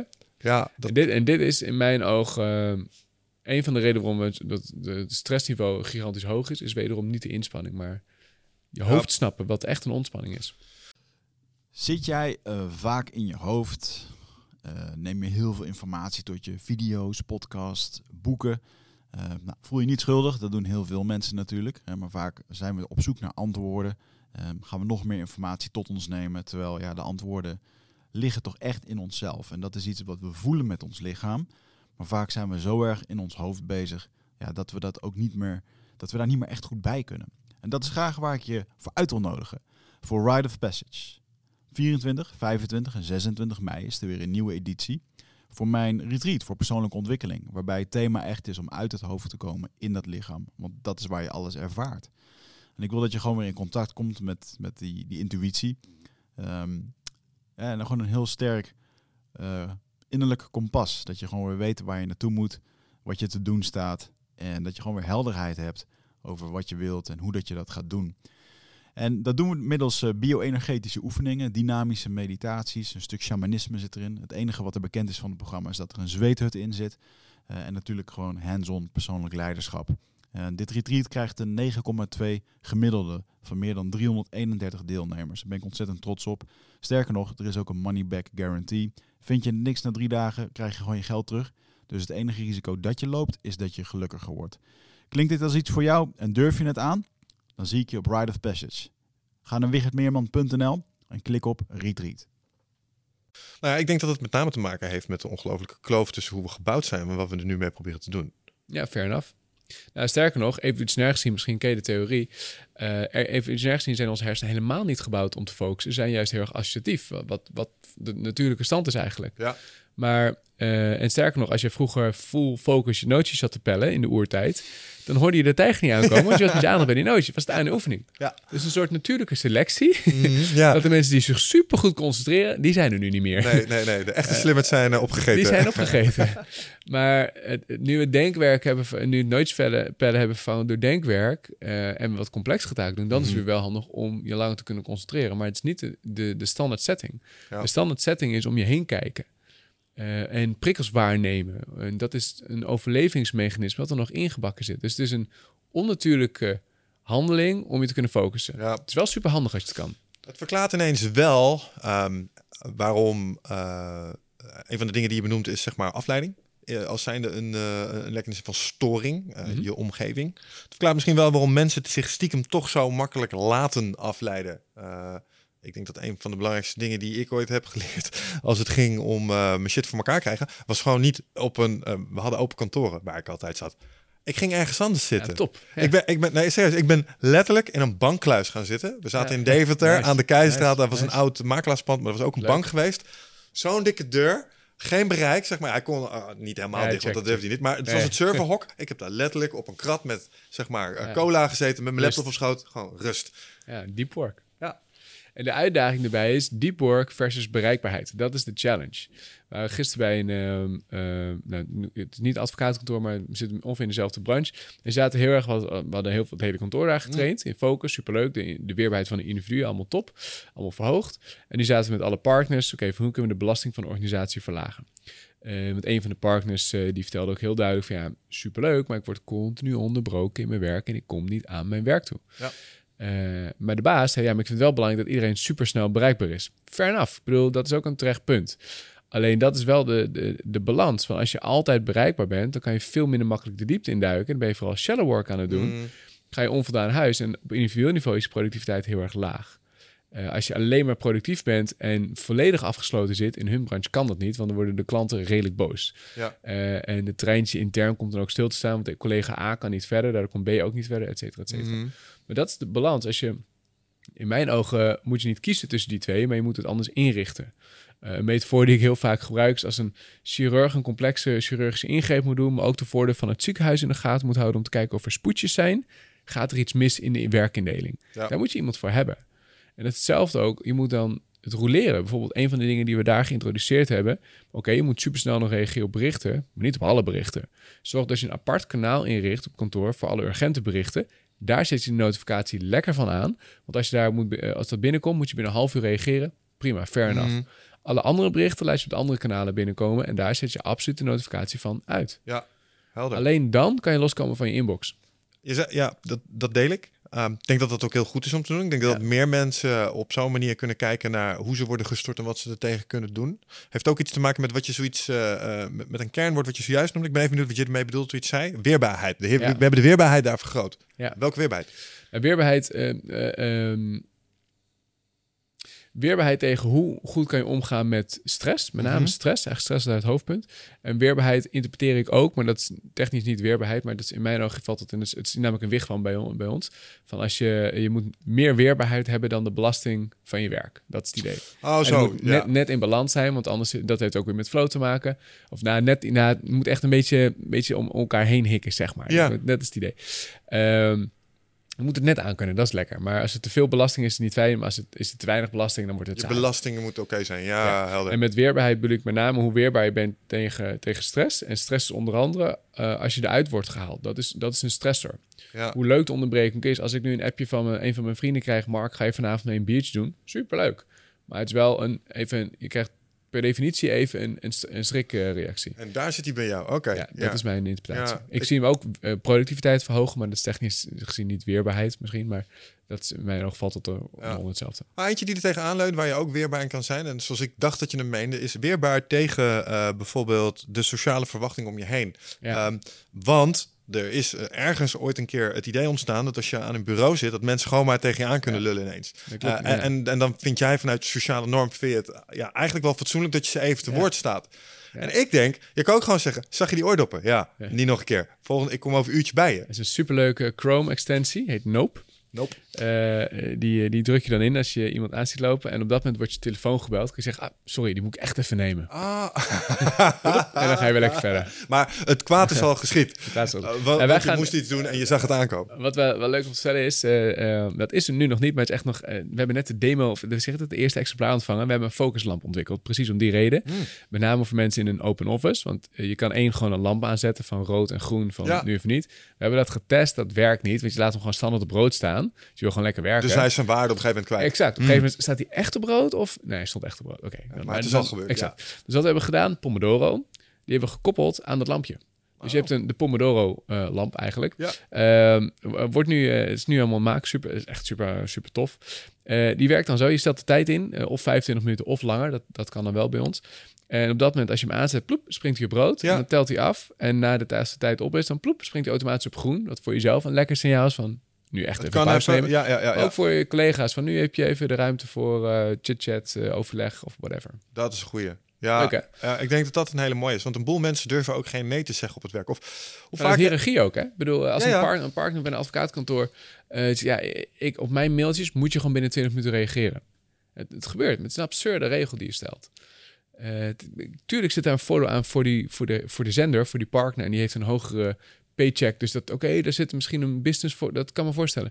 Maar eh, het stressniveau, uitval, eh burn-out Ja, en verlaagd productiviteit. nou, en ik denk dat daar een stukje weer, weerbaarheid zit. Ik denk dat Exact, mensen... je exact, bent niemands bitch. Dus Nee. je kan gewoon zeggen, hey, sorry, maar dit is Ja. achterlijk, weet Nu je wel. even niet. Ja, Ja, een Ik- ander ding wat ook, eh, het zijn talloze ideeën voor, maar wat we bij een andere organisatie hebben geïntroduceerd is eh Super simpel en heel eenvoudig. Met, het verschilt een beetje per organisatie hoe je dat inzet en of je het in kan zetten, want het kan niet bij allemaal. Maar het is één moment in de week, dus eigenlijk super weinig, maar dat, dat werkt dan bij de meeste. Eh, meestal is het op de dinsdag tussen 10 en 11, bij sommigen tussen 10 en 12. Zijn er geen meetings, is geen onderling overleg, ook niet even bij het bureau. Als er een brandje is, kan dat altijd. Brandjes gaan altijd voor, Mhm. fair enough. Maar alles wat na 11 uur, of in sommige gevallen dus 12 uur, kan wachten, doe je na 12 uur. En dat zijn net even momenten dat je de diepte in kunt duiken. Dat is net even die lastige e-mail, kan je dan beantwoorden. Dat lastige verslag kan je dan lekker doen. Ja. Als je net in het verslag zit en ik zit er net lekker in... en dan komt je collega, heb je even? Ja, dan, ah, Ja, dan doe je ja. weer een stap terug. Nou, wat, wat voor mij een, een mooi was, is eh, jij, ehm, jij kwantificeert hem heel mooi in termen van de kosten. Ja, Dus eh, je had een paar eh, statistiekjes. Nou, Ja. 80% van de statistieken zitten ernaast. Maar laten we ervan uitgaan dat het iets van een richtlijn is. Ehm, op het moment dat jij eh, gaat multitasken, zit er een bepaalde overhead aan. Ja. Kun je daar eens iets over zeggen? en multitask vind ik dus positief. Ik zou hem eerder tisk, eh, task switchen Ja, oké, check. Ja. En dan eh, eh, de technische term die bij hoort is aandachtresidue. Eh context switching wordt het in, Mhm. eh, in development land veel genoemd. Ehm, en het is heel simpel. Dat elke keer als je wisselt, daalt je IQ met 10 punten. Ja. Tijdelijk. Daar gaat weer een hersteltijd overheen. Om precies te zijn is dat 64 seconden. ja. Bij de, mini, bij de kleinste onderbreking, dus een korte blik op je telefoon of een korte blik op je e-mail, zonder dat je e-mails gaat beantwoorden, daalt je Q al met, eh, met 10 punten. Eh, dat duurt dus een, een- ongeveer een minuutje om daarvan Mhm. los te komen. Ben je met een wat complexere taak bezig, of is de onderbreking die tussendoor komt wat groter, dan duurt het ongeveer 15 minuten om daarvan los te komen. Hmm. En dan een leuke vraag om te stellen. Hoe vaak denk je dat de gemiddelde kantoormedewerker in een gemiddeld kantoor onderbroken wordt in zijn of haar werkzaamheden? Per dag. Als ik even teruggrijp op mijn eigen ervaring, dan is dat vaker als tien keer. Ja, het gemiddelde is, het hangt een beetje van de context af hoor. Dus misschien in, in die functie die je had, zal het minder zijn. De gemiddelde kantoormedewerker is dat 240 keer per dag. Holy shit. Ja, en dat, als je dat vermenigvuldigt met de hersteltijd van minimaal 64 seconden, spendeer je dus de helft van je dag op denkniveau van is, een dit is 11-jarige. inclusief iemand die net iets te luid aan de telefoon eh, naast je zit te bellen. Hele iemand die de goede vraag. even- Volgens mij is dat daar niet in meegenomen. Dat zou, Dus dat- het is nog erger het eigenlijk. is nog erger. Oh. Als iemand naast je zit te bellen terwijl jij zit te werken, daalt jouw productiviteit met 60%. Ja, die geloof ik. Ja. 60 procent. 60% Ja, dat is bizar, hè? Open offices zijn reet Ja, duur. dood, dood aan open offices. Ja, eh. er gaat dus ook een kanteling eh, gaan. Dat is best wel boeiend. De open office besparen op vierkante meters... Mhm. en zijn daardoor eh, goedkoper in huur of hypotheek van het pand. Check. Ja. Maar de grootste kostenpost is niet het pand of de meubels. De grootste kosten, eh, kostenpost van... Zo, kostenpost van het pand. Zeg maar gevangenis, kom je ook niet uit. Check. Ehm, eh, ik noem het ook wel eens meegestallen met goede koffie. Ja, ja, ja. Maar zo'n zo'n zo'n kantoor op 30 jaar genomen is de, de hypotheek of de huur is, is 2% van al je kosten. Mm. Eh, ik meen de, het meubels in over 30 jaar is 9% van alle kosten. De overige percentage, ik weet niet precies wat het is, maar overige percentage zijn je personeelskosten. Ja. En die nemen gigantisch toe in verlaagde productiviteit, in hoger uitval, meer ziektedagen, et cetera, et cetera, Mhm. in open office. Dus een open office is echt duurkoop. Het is het duurste kantoor wat je kunt hebben. Ja, en de redenatie, want ik heb met mensen gesproken die dit soort kantoren bezitten. En die denken, ja, maar eh, hoe meer ontwikkelaars ik per vierkante meter heb zitten, hoe meer eh, regels code ik kan produceren met dit pand. Ja, maar het is dus tijd maal eh, concentratie. Ja. En de concentratie daalt. En natuurlijk kan je wel met headphones, noise cancelling, top, eh, lekker doen. Maar er zijn zoveel meer mensen die voorbij lopen, dat is ook al een prikkel. Dus eigenlijk Ja. moet je dan eh, cubicles hebben, maar ja, dan heb je niet technisch meer een open office. nee, Ja, misschien wel, afhankelijk van de definitie van open office, maar ja, dus feitelijk wat je zegt, is iedereen gewoon zijn eigen kantoortje geven. Dat, Ja. dat, dat kost misschien meer in termen van vierkante meters huur, maar het, het, je, wat je voor Check. terug is meer productiviteit. check. En minder ziekteuitval. Ik bedoel, als een grote kostenpost, als mensen een burn-out hebben, zijn ze gemiddeld 230 dagen uit de running. Mhm. Dat is een dure kostenpost. Ja, Een hele dure kostenpost. ja, ja, ja. ja. Maar waarom eh, eh, is dat? Omdat ze zeg maar gestrest raken door alle fenomenen die je krijgt door Ja, slechte check. Focus? Ik, ik, zie, ik zie stress en burn-out als een spectrum. Er zijn heel veel factoren met burn-out die erbij spelen... die buiten de scope vallen van het onderwerp waar we nu hebben, hoor. Persoonlijkheid en allemaal dat soort elementen speelt zeer zeker mee. Mhm. Maar als je puur kijkt naar het brein... het begint bij, in mijn ogen, gebrek aan concentratie... vermoeidheid, stress, burn-out. Dat is in mijn ogen het spectrum. Het zijn een aantal stationnetjes die, eh, die, eh, eh, die je kan passeren. En op een Mhm. gegeven moment is het gewoon het eindstation. Ja. En als je, als je kijkt naar, een- naar een open office, dat verlaagt gigantisch de, de concentratie. En hoe meer denkwerk er moet zijn, je moet doen, hoe stiller het moet zijn. Ja. Het is gewoon ene, als je een routinematig een klusje aftikt, dan is het prima om in een open office te werken. Ja.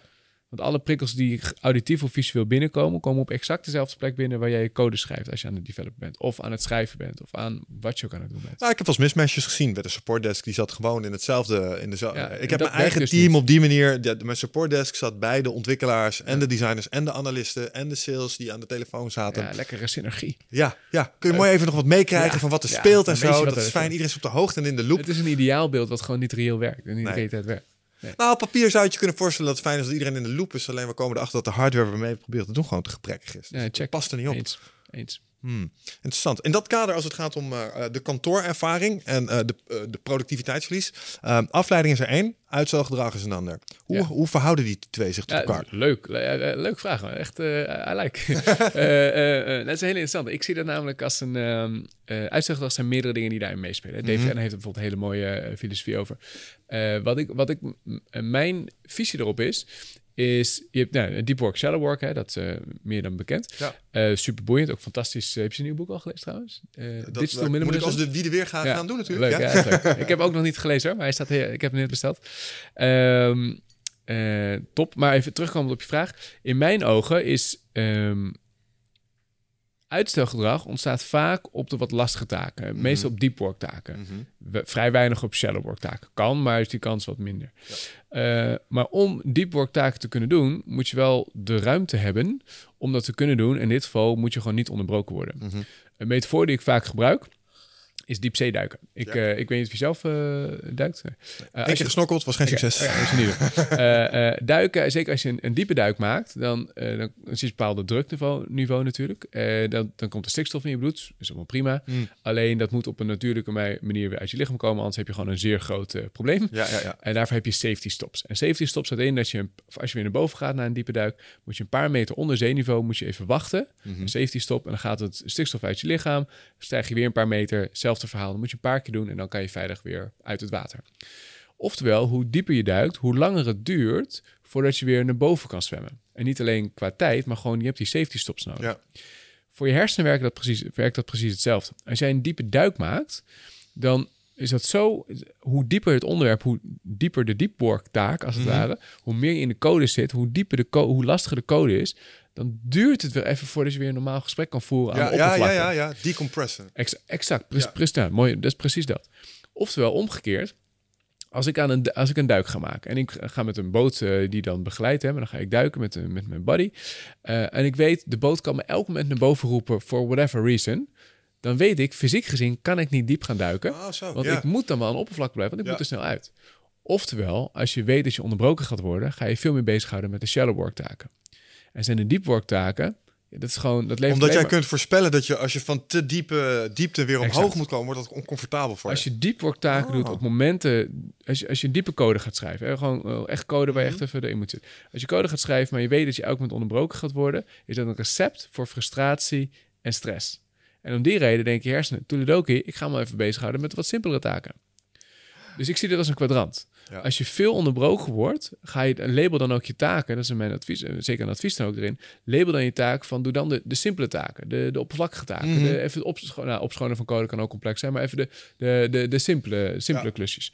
Eh, als je weet dat er een paar momenten in de week zijn dat je echt de diepte in kunt, dat je weinig onderbroken wordt, ga dan de diepte in duiken.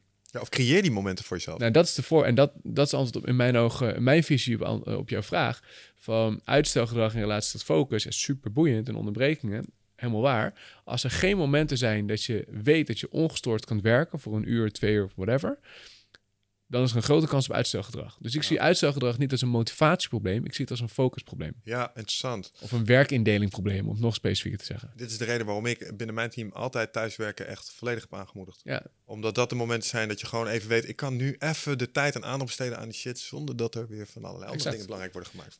het. En daarom in een open office, er moeten stilteruimtes zijn in mijn ogen. Ja. En niet gewoon echt stilte, stilte. Geen notificatie, geen men, gewoon stilte, stilte.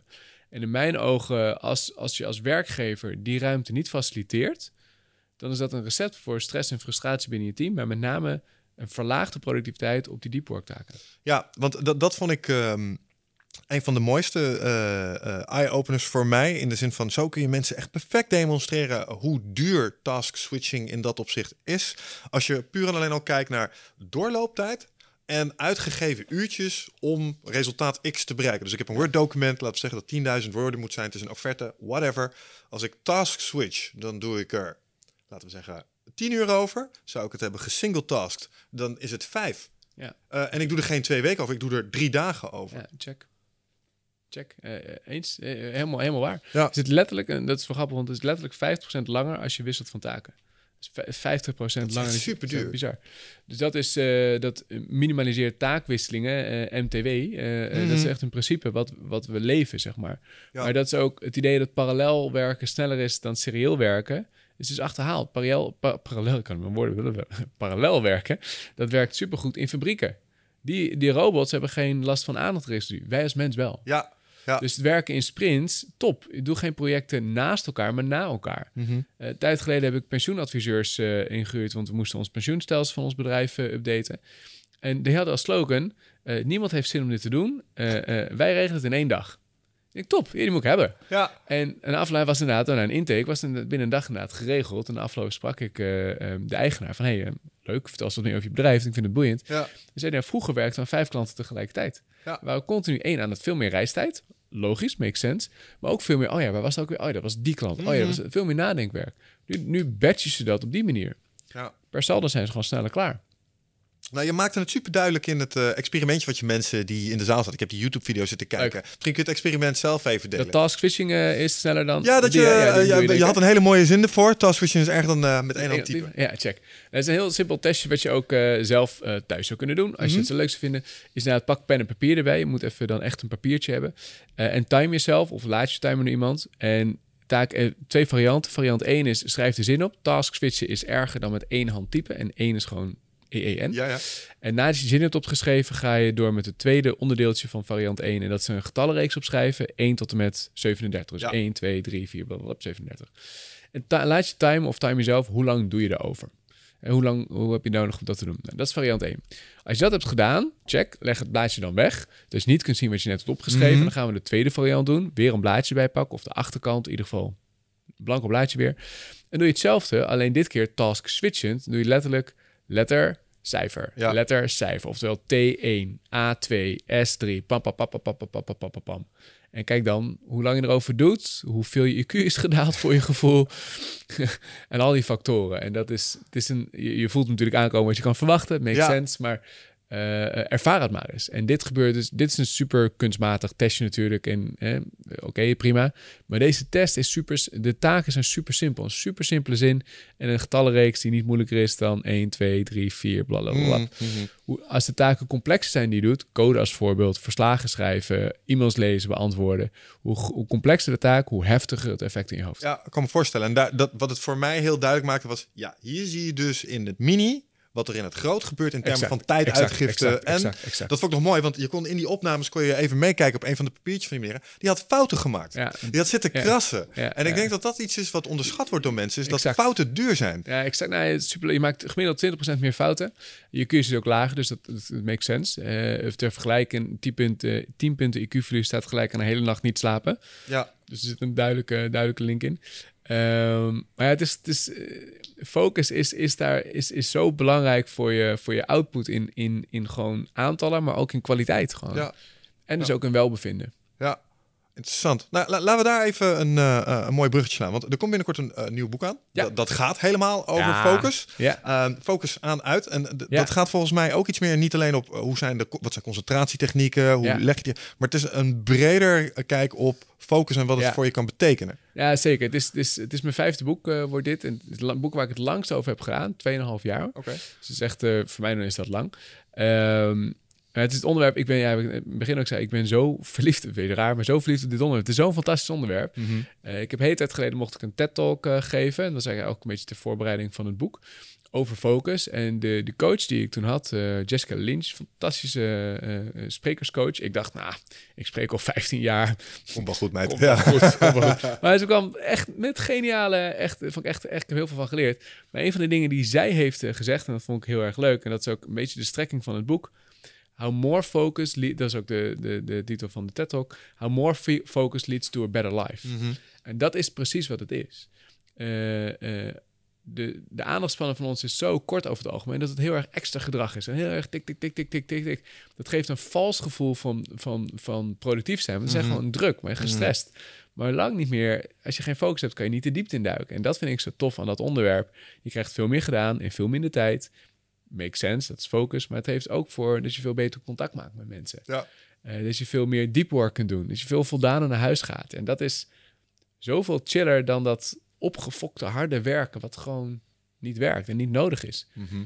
In mijn ogen is time management ook een beetje passé. Het is focus management waar het om draait. Ja, En daar gaat het boek over. Oké, interessant.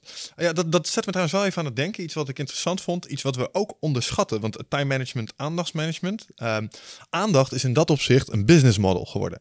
Ja, En- zeker. en, en, zeker. en dat is iets dat daar zet hij me wel even aan het Ja, denken. klopt. Van, hey, mensen proberen, dat is zo. Notificaties zijn gemaakt om mijn tijd te maximaliseren. Omdat ze uit zijn op mijn attention. Ja, eh, absoluut. Dus de war for attention is, dat is nu, die is absoluut gaande.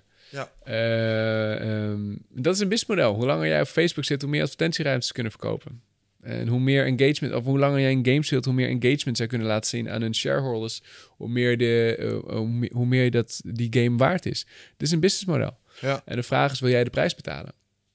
En eh, notificaties is daar een super mooi voorbeeld van. Notificaties zijn, enige doel van notificatie is jou onderbreken waar je mee bezig bent. Het enige doel. Ja. En soms is dat super functioneel. Een agendamelding, oh, ik moet over een half uur hier in op koude zijn. Super handig om dat op dat moment te weten en niet vijf minuten van tevoren. Ja. Die heb ik ook lekker aanstaan. Eh, eh, eh, E-mailnotificaties, het is te generiek. Er komen zoveel berichten binnen die niet op dat moment beantwoord moeten worden. Waarom zou je dat aanzetten? Mhm. Dat is heel raar. Je moet dan wel in mijn ogen een apartes kanaal hebben voor de wel urgente berichten. Bijvoorbeeld Ja. mijn sms-notificaties staan weer wel aan. Als iets belangrijk is, of je kunt bellen, of je kunt sms'en. Eén van die twee. WhatsApp staat uit. Dus die lees ik wel, maar geen, wat, geen notificaties van. Ja. En wees daar super selectief in. Dat werkt voor mij overigens. Hè. Misschien is dat voor jou anders en voor de luisteraar misschien weer anders. Mhm. Fair enough, maakt niet uit. Maar vind daar je eigen ritme in. Maar laat je niet... Als jij een hardloop-app drie weken niet hebt gebruikt... dan zal je een subtiele herinnering krijgen. Wil je niet weer gaan hardlopen? Ja. Dat is een businessmodel. Ja, ja, ja, ja, want zij willen natuurlijk weer hun hardloopplan aan je slijten. In ieder geval dat je die app gebruikt voor de downloads. Ja, nee, ik snap hem. Ehm, dus wat je eigenlijk zegt is, er zijn krachten in deze wereld die, uitzegt, die erop uit zijn voor hun eigen gewin. Ja. Om je aandacht eh, af te leiden van Zeker. andere zaken. En dan even terug naar, eh, naar je boek, zeg maar. Ja. K- Kun je nog eens iets dieper ingaan op hoe je focus beter managen gaat zorgen voor een beter leven? eh, en, en misschien is er wat lager aan het fruit, maar misschien zijn er ook Ja. hogere afwegingen bij. Ja, check, nou, ik, ik ga gewoon wat spuien. Dan moet jij maar zeggen wat Ja. je leuk vindt. Dat komt. Eh, eh, wederom, het model van het boek is... Ik heb het boek samengeschreven met mijn compagnon Oscar de Bos. Die is Mhm. ook eh, developer. En dat is ook de, de, de heerlijke combi tussen ons structuur en de... Nou, dat is de, de samenvoeging.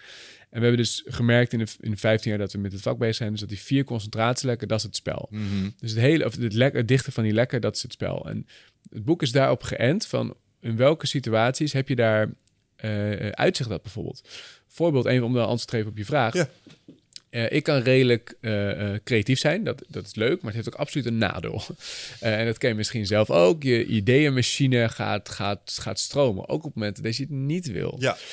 Ideeën komen vaak op de meest onhandige momenten.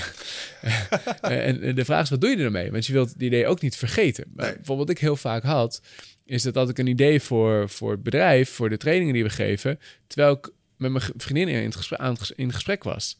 En dat is, dat is irritant, want één, zij merkt dat. Je bent er niet helemaal bij, je bent een beetje afwezig. Dat, dat kan je merken natuurlijk. Maar twee, ja, ik wil ook dat idee niet vergeten. Nee. Maar ik wil ook in gesprek met... Dat is een spagaat die dan Ja. ontstaat in je hoofd. Hoe los je dat op? Eh, Heel simpel, eh, ik heb een app ervoor, BrainTos, misschien ken je hem. Ik sta- staat bij mij mijn snelkoppeling. Top, Ja. mij ook. ja, ja. I love it. Eh, voor de mensen die het niet kennen, je stelt eenmalig... Als je ooit jezelf een e-mailtje stuurt, dit is de snelle variant. Je stelt eenmalige e-mailadres in.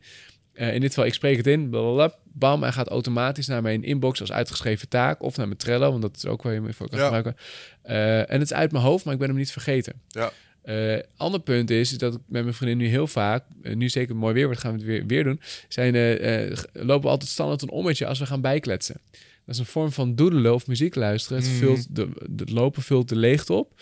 En daar heb je meer engagement voor het gesprek. Ja, en komt er niet in de achterkant komen er allerlei ja, gesprekken bij. Trouwens, dat, is een, dat is een voorbeeld. Ik kan nog maar dit kan Ja. een honderd, maar dit is een voorbeeld. leuke tip trouwens voor de mensen die geen zin hebben om geld uit te geven in apps. Je hebt van die gasten er rondlopen. Vaak gebruiken ze wel WhatsApp. Je kan eh, heel makkelijk check. brain tools namaken in WhatsApp. Nodig iemand uit in een WhatsApp groepje. Vroeger Oh, kon je jezelf opzoeken in WhatsApp. Kan Ah, niet meer. je- Dan moet Gooi iemand die erin. andere naam weer eruit. hè? En dan kun je jezelf ook voor berichtje sturen. Ja. Een van mijn vrienden spreekt altijd zijn eigen voicemail in. Hey Bert, daar ben ik weer. Ja, dat is hallo. dus zelf. Ja. Zelfde idee. Mooi. Maar ik, ik hoorde daar wel een klein stukje over design, eh, eerlijk gezegd. Je Trello, eh, je integreert automatisch eh, je BrainTools met je Trello. Nee, dat, gebeurt, dat kan met, eh met BrainTools zelf. Dus je kan je gewoon instellen. Oh, oké. Je hebt niet allerlei moeilijke nee, koppelingen nee, lopen maken. nee, ik, ik heb mensen Oh, wish- tegengekomen. Ja, ja, die gingen dan met Zapier, gingen ze een API, gingen ze een andere API aanspreken om alles maar aan elkaar geknoopt te krijgen. Werken met het systeem is mooi, maar het moet geen project op zich worden. Check, check, check. Zou ik ook niet kunnen, helaas. Maar, Ja, mooi. Oké. ehm, ja, iets waar we niet helemaal aan ontkomen, maar waar ik toch nog heel even kort op wil ingaan, omdat het te maken heeft met, eh, met focus en Ja. eh, eh, concentratie, is ehm, waar je origineel eigenlijk een soort van bekendheid mee hebt gekregen, hè? Snel lezen. snel lezen, ja. Ja. want ik heb dat ook een, een tijd lang gedaan. Cool. Eh, ik ben even benieuwd welke methodes jij onderkent en welke je zelf uitgedragen hebt. Ja, En waarom dat het voordeel is ten opzichte van andere snelleesmethodes. check.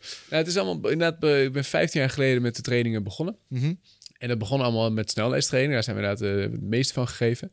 Ehm, eh, dus daar, daar, kan gelijk de inhoud in gaan. Dus één is het begeleiden van je ogen. Ja. Ik denk dat is één. En dat is op de vloeiende methode of op de blockreading methode. Dat je chunks eh, leest. Het verkleinen van je kader. Dat je niet bij het eerste woord begint, maar bij het tussen het eerste en het tweede woord Ja. in. Dat je in kaders leest. Maar dat is, dat is een beetje de standaard technieken, denk ik. Eh, maar de vierde methode vind ik het belangrijkste. En dat, eh, dat heeft ook weer... eh, Vandaar ook is ook het focusverhaal gaan rollen eigenlijk Ja. vanaf die trainingen. Het is een hele duidelijke link met snel lezen en focus. En dat heeft te maken met de vierde, onder andere. En dat is het lezen en het leren los van elkaar trekken. Ah. Wat heel vaak gedaan wordt, eh, en wat ik zelf ook vroeger heel vaak deed, al personal development boeken of studieboeken in die tijd nog. Ik was aan het lezen en tijdens het lezen wilde ik het ook onthouden. Ja. Tijdens het lezen wilde ik het ook bekritiseren. Makes sense. Ik wil zo min mogelijk tijd ermee kwijt zijn. Ja. Alleen dan ben je een, een vorm van het overbelasten van je brein. Want het analyseren doe je met de voorkant. Of het, sorry, het opnemen doe je met de voorkant. En het onthouden doe je met de achterkant. Even heel simplistisch Mhm. uitgelegd. En als je dat doet, dan interfereren die twee dingen met elkaar. Eh, dus je moet altijd iets doen om het in lange termijn geheugen te krijgen. Laten Ja. we onthouden even als voorbeeld nemen. En voor sommigen is dat arceren. Dat is iets anders dan lezen zelf. Dus Ja. is per definitie twee taken. Voor sommigen is het herhalen, herhalen, herhalen. Wat iets anders is dan doorlezen. Per definitie twee taken. Voor sommigen maken samenvattingen, mindmaps, whatever, of notities. Ja. Maar het zijn per, defini- per definitie doe je dan twee taken. Omdat die twee taken echt los van elkaar zijn, zijn ze aan het interfereren met elkaar. Ja, oké. Ze vragen namelijk allebei bewuste aandacht. En dat is, dat is de crux in dit verhaal. Mhm. Dus het werkt sneller en effectiever. En dit is in mijn ogen de belangrijkste snelheid, vind ik nog belangrijker dan het begeleiden van je ogen. Als je eerst een tekst leest en vervolgens een pas gaat onthouden. Oftewel, de stelling die ik heb, je gaat twee keer door dezelfde tekst heen. En de stelling die ik erbij heb, is je dan, als je twee keer door de tekst heen gaat op deze manier, eerst lezen, dan onthouden, dan ben je sneller klaar dan wanneer je het in één keer probeert te doen. Juist. En onthouden tegelijkertijd. ja, ja, ja, ja. Dat is de stelling. En ik kan je dat zeggen, ik kan je dit beargumenteren met, pardon, met wetenschap, maar het is veel leuker, ga dit zelf testen. Ja, dat is een goeie. Ehm, eentje die ik zelf nog een keer heb ondervonden. eh, en dat was eigenlijk meer. Dat zit hem niet zozeer in de leestechniek zelf. Maar dat zit hem in eh, de manier waarop je een boek aanvalt. Check, Eh, en dat is snel lezen is ook de kaft opnemen. check, Inhoudsopgave, goed kennis Check. van nemen. Want als je die hebt gelezen, weet je eigenlijk al waar het boek over gaat. check. Ehm, en boeken zijn over het algemeen, en ik herken het trucje, als volgt opgebouwd. Je hebt een stelling of een anekdote. Eh, dan komt er een kernles. Dan komt er wat uiteenzetting. Maar de kern van een boek zit over het algemeen in de twee paragrafen na de, intro- na de introductie van een hoofdstuk. Als het goed geschreven is. Als het goed geschreven is, lees die. Ja, check. Nee, dat, dat, dat scheelt zeker. Ja. En ehm, nee, check, dat is zeker waar. Wat ik heel erg boeiend vind, even leuk om die parallel, om, om, om, om die, die, die lijn erin te vertellen, eh, hoe het is gelopen. Want we hebben heel veel training, nog steeds geven heel veel training snel lezen. Dat doen we nog eh, volle bak, dus wereldwijd. Dus Mhm. dat is vandaar ook het grote aantal. Ja. Ehm, eh, maar wat ons opviel, want we hebben ook software gebouwd voor het lezen van beeldschermen. Je kent misschien Sprits, die worden Ja. in midden, midden flitst. Eh, dat werkt supergoed voor simpele teksten waar je oppervlakkig wat vanaf moet weten. Maar het werkt niet voor dingen die je gedegen moet eh, Ja. weten. Eh, dus daarom hebben we andere software gemaakt. Eh, ehm, eh, de fo- focusreader.com. Focusreader.com Ja. is een gratis tool die je kan, gewoon kan gebruiken. Maar het is niet het succes geworden wat we hadden gehoopt. Want we hadden bij heel veel bedrijven dit eh, getest. Bij rechters, bij consultancybureaus. En wat kwam uit al die interviews naar voren? Ik lees eigenlijk niet. Ik scan alleen half een document. En op basis van mijn ervaring maak ik een keuze. Ja, Rechters scannen het dossier. dat is een eng idee. Op basis van hun ervaring. Mwah, volgens mij ben jij schuldig. Wat? Het is bizar. Wow. Ja, ik snap hem ergens ook wel. Ik Ja. snap hem wel, maar... Consultancybedrijven, echt de, gro- de grote namen, en die betalen, de cliënten betalen grof geld wordt gevraagd, oh, wil je daar een eh, presentatie van maken? Eh, en wil je de samenvatting van die presentatie in de e-mail zetten? Ze hooguit, hooguit scannen ze die e-mail, die bijlage wordt niet eens geopend. En dan word je uitgenodigd, goh, zou je nog wat meer Ja, toelichten? ja, oh jongen. Mensen lezen niet meer. Moet je nagaan hoeveel tijd en energie er in die rapporten zitten, bijvoorbeeld die bij een rechter liggen. Hoeveel eh, advocaten, jij heeft daar voor 350 euro per uur, heeft hij daar zijn best op zitten doen, 24 uur lang. En dat wordt, advocaat leest zelf ook niet. Dus nee, maar en dat wordt dan even zo geskuin en dat was Ja. dan 20.000 euro. Gefeliciteerd Ja. voor die twee minuten. Heftig hoor. Wauw. Echt heftig. Ja, Maar daarom dachten we van ja, fuck, weet je wel. Van holy shit. We dachten echt dat we de nieuwe Acrobat Reader hadden gebouwd. ja, ja. En, echt, maar wat was het trucje van dat ding? Is dat dat Eh, ding dat, dat, de- dat een letter door een lens heen haalt? Nee, dat is Sprits. Dat is de Sprits-methode. Sprits, ja. en die werkt dus goed voor het scannen van teksten. Dus Ja. eh, ik, ik, in die zin ben ik fan van Sprits op, op- voor dat niveau. Maar voor andere teksten, gewoon de tekst die je echt gedegen moet lezen, werkt het gewoon niet. Eh, want het is te vluchtig. En wij hebben gemaakt eigenlijk een digitale vinger, plat gezegd. Eh, je ziet dus, eh, wel, ik vind het wel cool gebouwd. Het is, het is gewoon werkt voor PDF alleen. Mhm. Als je hem aanzet, dan wordt de hele tekst lichtgrijs gemaakt. En alleen de zin die je aan het lezen bent, wordt eh, zeg maar zwart gemaakt, zoals je normaal leest. Dus er is veel meer rust, vandaar ook Focus Reader, het geeft veel meer focus. En daarnaast is er een heel subtiel lijntje. Misschien ken je nog eh, Pong, is je met een tik, met zo'n Ja, balletje ja, tik. Het werkt een hele eh, subtiele muisbeweging, maar niet echt een muis, maar een hele, hele, ja, hele lichte beweging gaat dat heel subtiel glijden echt over de tekst heen. Oh.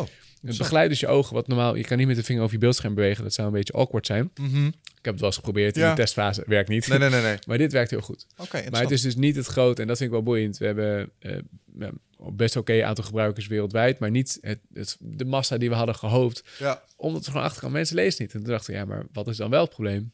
Focus. En Ja. zodoende zijn we dat hele focusspel gaan ontdekken. Ah, juist. Nou, de reden dat ik het vraag ook is omdat ehm, lezen. We hadden het er straks voor de podcast even over een eh, gedeelte interesse van ons, namelijk onderwijs. Mhm, Eh, mhm. toen zei je van joh, ik wil het, eh, het brein in het onderwijs graag op een Ja. prominentere manier neerzetten. Ik ben zelf Ja. bezig met een initiatief Young Guns om leiderschap iets meer een plek te Cool. geven in het onderwijs.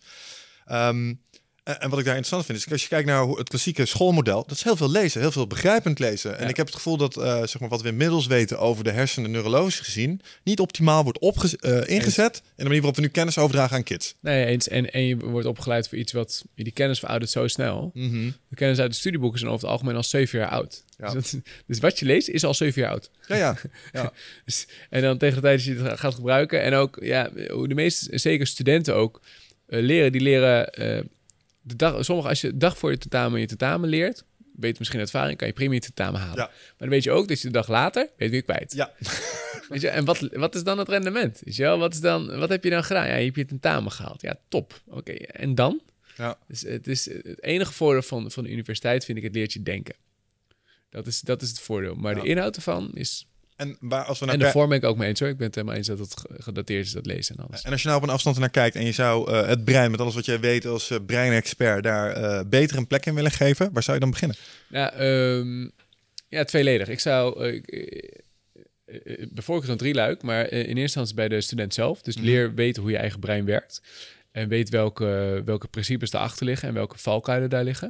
En dan heb ik het puur over het cognitieve deel. Hè. Er zit ook een heel emotioneel, wat ik Ja, ook ja. super boeiend vind als dat standaard in het onderwijs komt. Als Jan Geurts, misschien in een andere vorm, maar in het onderwijs, dat zou ik fantastisch vinden. Ik denk dat dat heel veel shit gaat schelen. zeker. Eh, maar twee ook, leer de docenten breinvriendelijk doseren. Breinvriendelijk doseren is een beetje een suf woord. Maar als jij weet hoe je geheugen werkt, dan weet je dat één keer iets vertellen, dat blijft gewoon niet hangen. Zeg maar. Nee. Het is gewoon, tenzij het echt super boeiend onderwerp is, maar het blijft gewoon niet hangen. En als je dat anders structureert, ook de lessen anders structureert, en ook herhaald tentamens doet over de hele periode, dat is veel, veel effectiever. Grappig dat je dat zegt, want als ik er nou over nadenk, ehm, inderdaad, aardrijkskunde, of eh, Ja. welk vak dan ook, het ging er één keer over, dat was één college. Ja, Als je mazzel hebt, kreeg je er wat huiswerk over mee, that's it. Als ik keek naar Braziliaans Jiu-Jitsu, ja dan kregen we een, een techniek. Die kregen we de tweede, niet, nee, de, eh, de derde training van de week kregen we die nog een keer. En de week erop werd die in de middelste training werd die gehaald. Dus je Ja, zag hem dat drie keer. Top. En dan blijft, dan bekleeft het. Ja, en, tegen, en op school doen ze dat heel anders. Dan is dan ja, stampen, één keer passeren. En Het, dan- het Finse onderwijssysteem is geniaal. Het Finse onderwijssysteem is het beste ter wereld. En alle rank, rang, rang, ranglijsten, rang, rang, Eh, ranglijsten scoren zij echt, eh, echt super hoog op Mhm. wiskunde of op, op taalvaardigheid. Echt wereldwijd zijn het beste onderwijs ter wereld. ja? Het komt omdat zij, ik meen, net na de Tweede Wereldoorlog bedacht zij van, nou, we staan best wel Het onderwijssysteem is een beetje krakkemerig. We moeten hier gaan, kennis gaan toepassen over het brein. En dat was in de jaren 50 ongeveer, dat ze me echt serieus mee begonnen in ieder geval. Ehm super boeiend, want dat hebben ze allemaal toegepast. Beste onderwijs ter wereld. Maar ze hebben dus ook een hele andere indeling. Ze hebben maximaal vijf lesuren, eh, vijf lessen eh, per dag. Oké. That's it. Ja. En die lessen duren niet langer dan, ik meen, volgens mij 45 minuten. En per definitie zit er tussen elke les 20 minuten pauze. Oh, wauw. Dus elke les 20 minuten pauze. Dus, huiswerk krijg je niet totdat je pas 16 jaar bent. Hm. Testen krijg je niet totdat je pas 16 jaar bent. Dat is interessant. Boeiend, totaal Ja. anders. Ja, ja, Als je kijkt naar vergelijkbare landen in die regio, die dan weer een hele, zeg maar, het onderwijssysteem wat heel erg vergelijkbaar is, die scoren weer heel laag, zeg maar. Dat Hm. Ja. is boeiend, hè? Ja, dus dat zijn breinvriendelijke onderwijstechnieken. Ja. En dan had je nog een derde? Eh, ja, dat, is, eh, dat zijn de uitgeverijen. Dus dat zijn de dus, eh leerbreinvriendelijk onderwijs. Je hebt bijvoorbeeld nu de iPad-scholen. Eh, eh, ene kant ben ik er heel enthousiast over. Aan de andere kant denk ik, dat ze missen echt een, iets. Ehm, wat ik er tof aan vind, is dat je bijvoorbeeld rekenvaardigheid aangepast krijgt op jouw niveau. Dat is Ja. geniaal. Dat je dat een- in een papieren boek krijgt, is het nooit aangepast aan het individu. Tenminste, niet, is heel minimaal aangepast. Ja. Maar het nadeel is, wanneer je teksten ook digitaal gaat aanbieden, via de iPad-scholen, alle boeken digitaal, dan is je retentie zoveel lager. En dat weet je misschien uit eigen ervaring. Een, een, een goed boek, de meeste mensen vinden papier lekkerder lezen dan een beeldscherm. Sommige mensen vinden beeldscherm lekker lezen. Dat kan, dat maakt niet zoveel uit. Maar een beeldscherm lees je minimaal 25% langzamer dan papier. Oké, ja. En je vergeet het informatie ongeveer 30% sneller dan papier. En misschien ken je het ook wel, je hebt een papieren boek gelezen, je hebt het boek uit en weet je nog wel, oh, dit ene onderwerp, dat stond op de linkerpagina net onder de afbeelding. Misschien ooit al een keer gehad. Is dat de reden waarom je het eh, beter onthoudt als je het op papier leest? Je hebt veel meer eh, eh, visuele cues. Ah. Linkerpagina, rechterpagina Ja, ja. is al een verschil. Je voelt, ik zit op een derde. Je hebt dus acht cues bij, bij een traditioneel boek. En bij een, de meeste pdf-bestanden in ieder geval, dat het gewoon gespreadsheet onder elkaar is. Je, je ziet wel de paginanummers, maar je voelt niet meer waar je ja, bent. ja, ja, ja, ja. Oh, interessant. Dus je mist heel veel structuurelementen. Eh, daarom is ook bijvoorbeeld een aantal uitgeverijen in de, in de juridische wereld. Er zijn, zijn twee, drie, maar twee hele grote. Eentje heeft dus alles onder elkaar staan. En de andere heeft dus als, als een boek, presenteert als een boek. En dat laatste is per definitie beter voor de kennisoverdracht. Hmm, interessant. Oké, ja, dat, dat kan ik me goed voorstellen. Want eh, ik herken wat je zegt. Ik heb boeken gelezen en dan weet ik nog precies waar het, het, klompje kennis stond eh, waar ik op uit was. Ja, interessant. Ehm, Oké, een laatste ding eh, waar ik eh, nog eens even, ook als het gaat om leren, eh, Ja. met je over wilde hebben. We hadden het er straks over focus, lange termijn, korte termijn geheugen, eh, dingen er in één keer inrammen. Ehm, en dat is het, eh, want, want wat is focus anders dan de spotlight ergens, eh, zeg maar, in je mind op een onderwerp? En dan is alle aandacht, zeg maar. Ik heb het wel eens gehoord van, je moet het ook een beetje zien, je geest als een theaterzaal. Ja, kan. Op het moment dat de spotlight aan is, is iedereen stil, iedereen kijkt. Daar Ja. komt het boek, ja, En zet je het hem van, uit, dan gaat, gaat het publiek smoezen met elkaar. Ja. En toch denk ik dat in dat smoezen, dat onderbewustzijn, eh hoe heet die, Ab Dijkgraaf, die heeft daar een boek over met die ijsberg. Ja. We kunnen heel veel productiviteit ook halen uit dat onderbewustzijn. Zeker. Wat kun je daarover vertellen? Nee, dat is een super interessant punt. Ehm, wederom, wat ik eerder, wat ik een heel interessante stelling ook vind, een van mijn stellingen is productiviteit en creativiteit zijn elkaars tegenpolen. Ja. Productiviteit is focussen, creativiteit is onfocussen.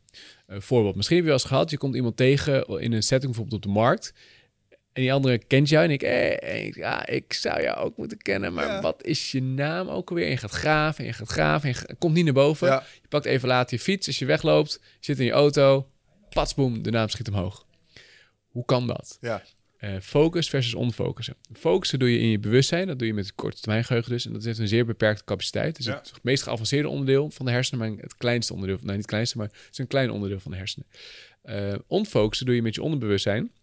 Dat is letterlijk 200.000 keer zo groot als je Mm. bewustzijn. Oh. Oftewel, als je met je bewustzijn een meter kunt zien, dan kan je met je onderbewustzijn een afstand van Utrecht tot en met Groningen zien. Dat is het verschil.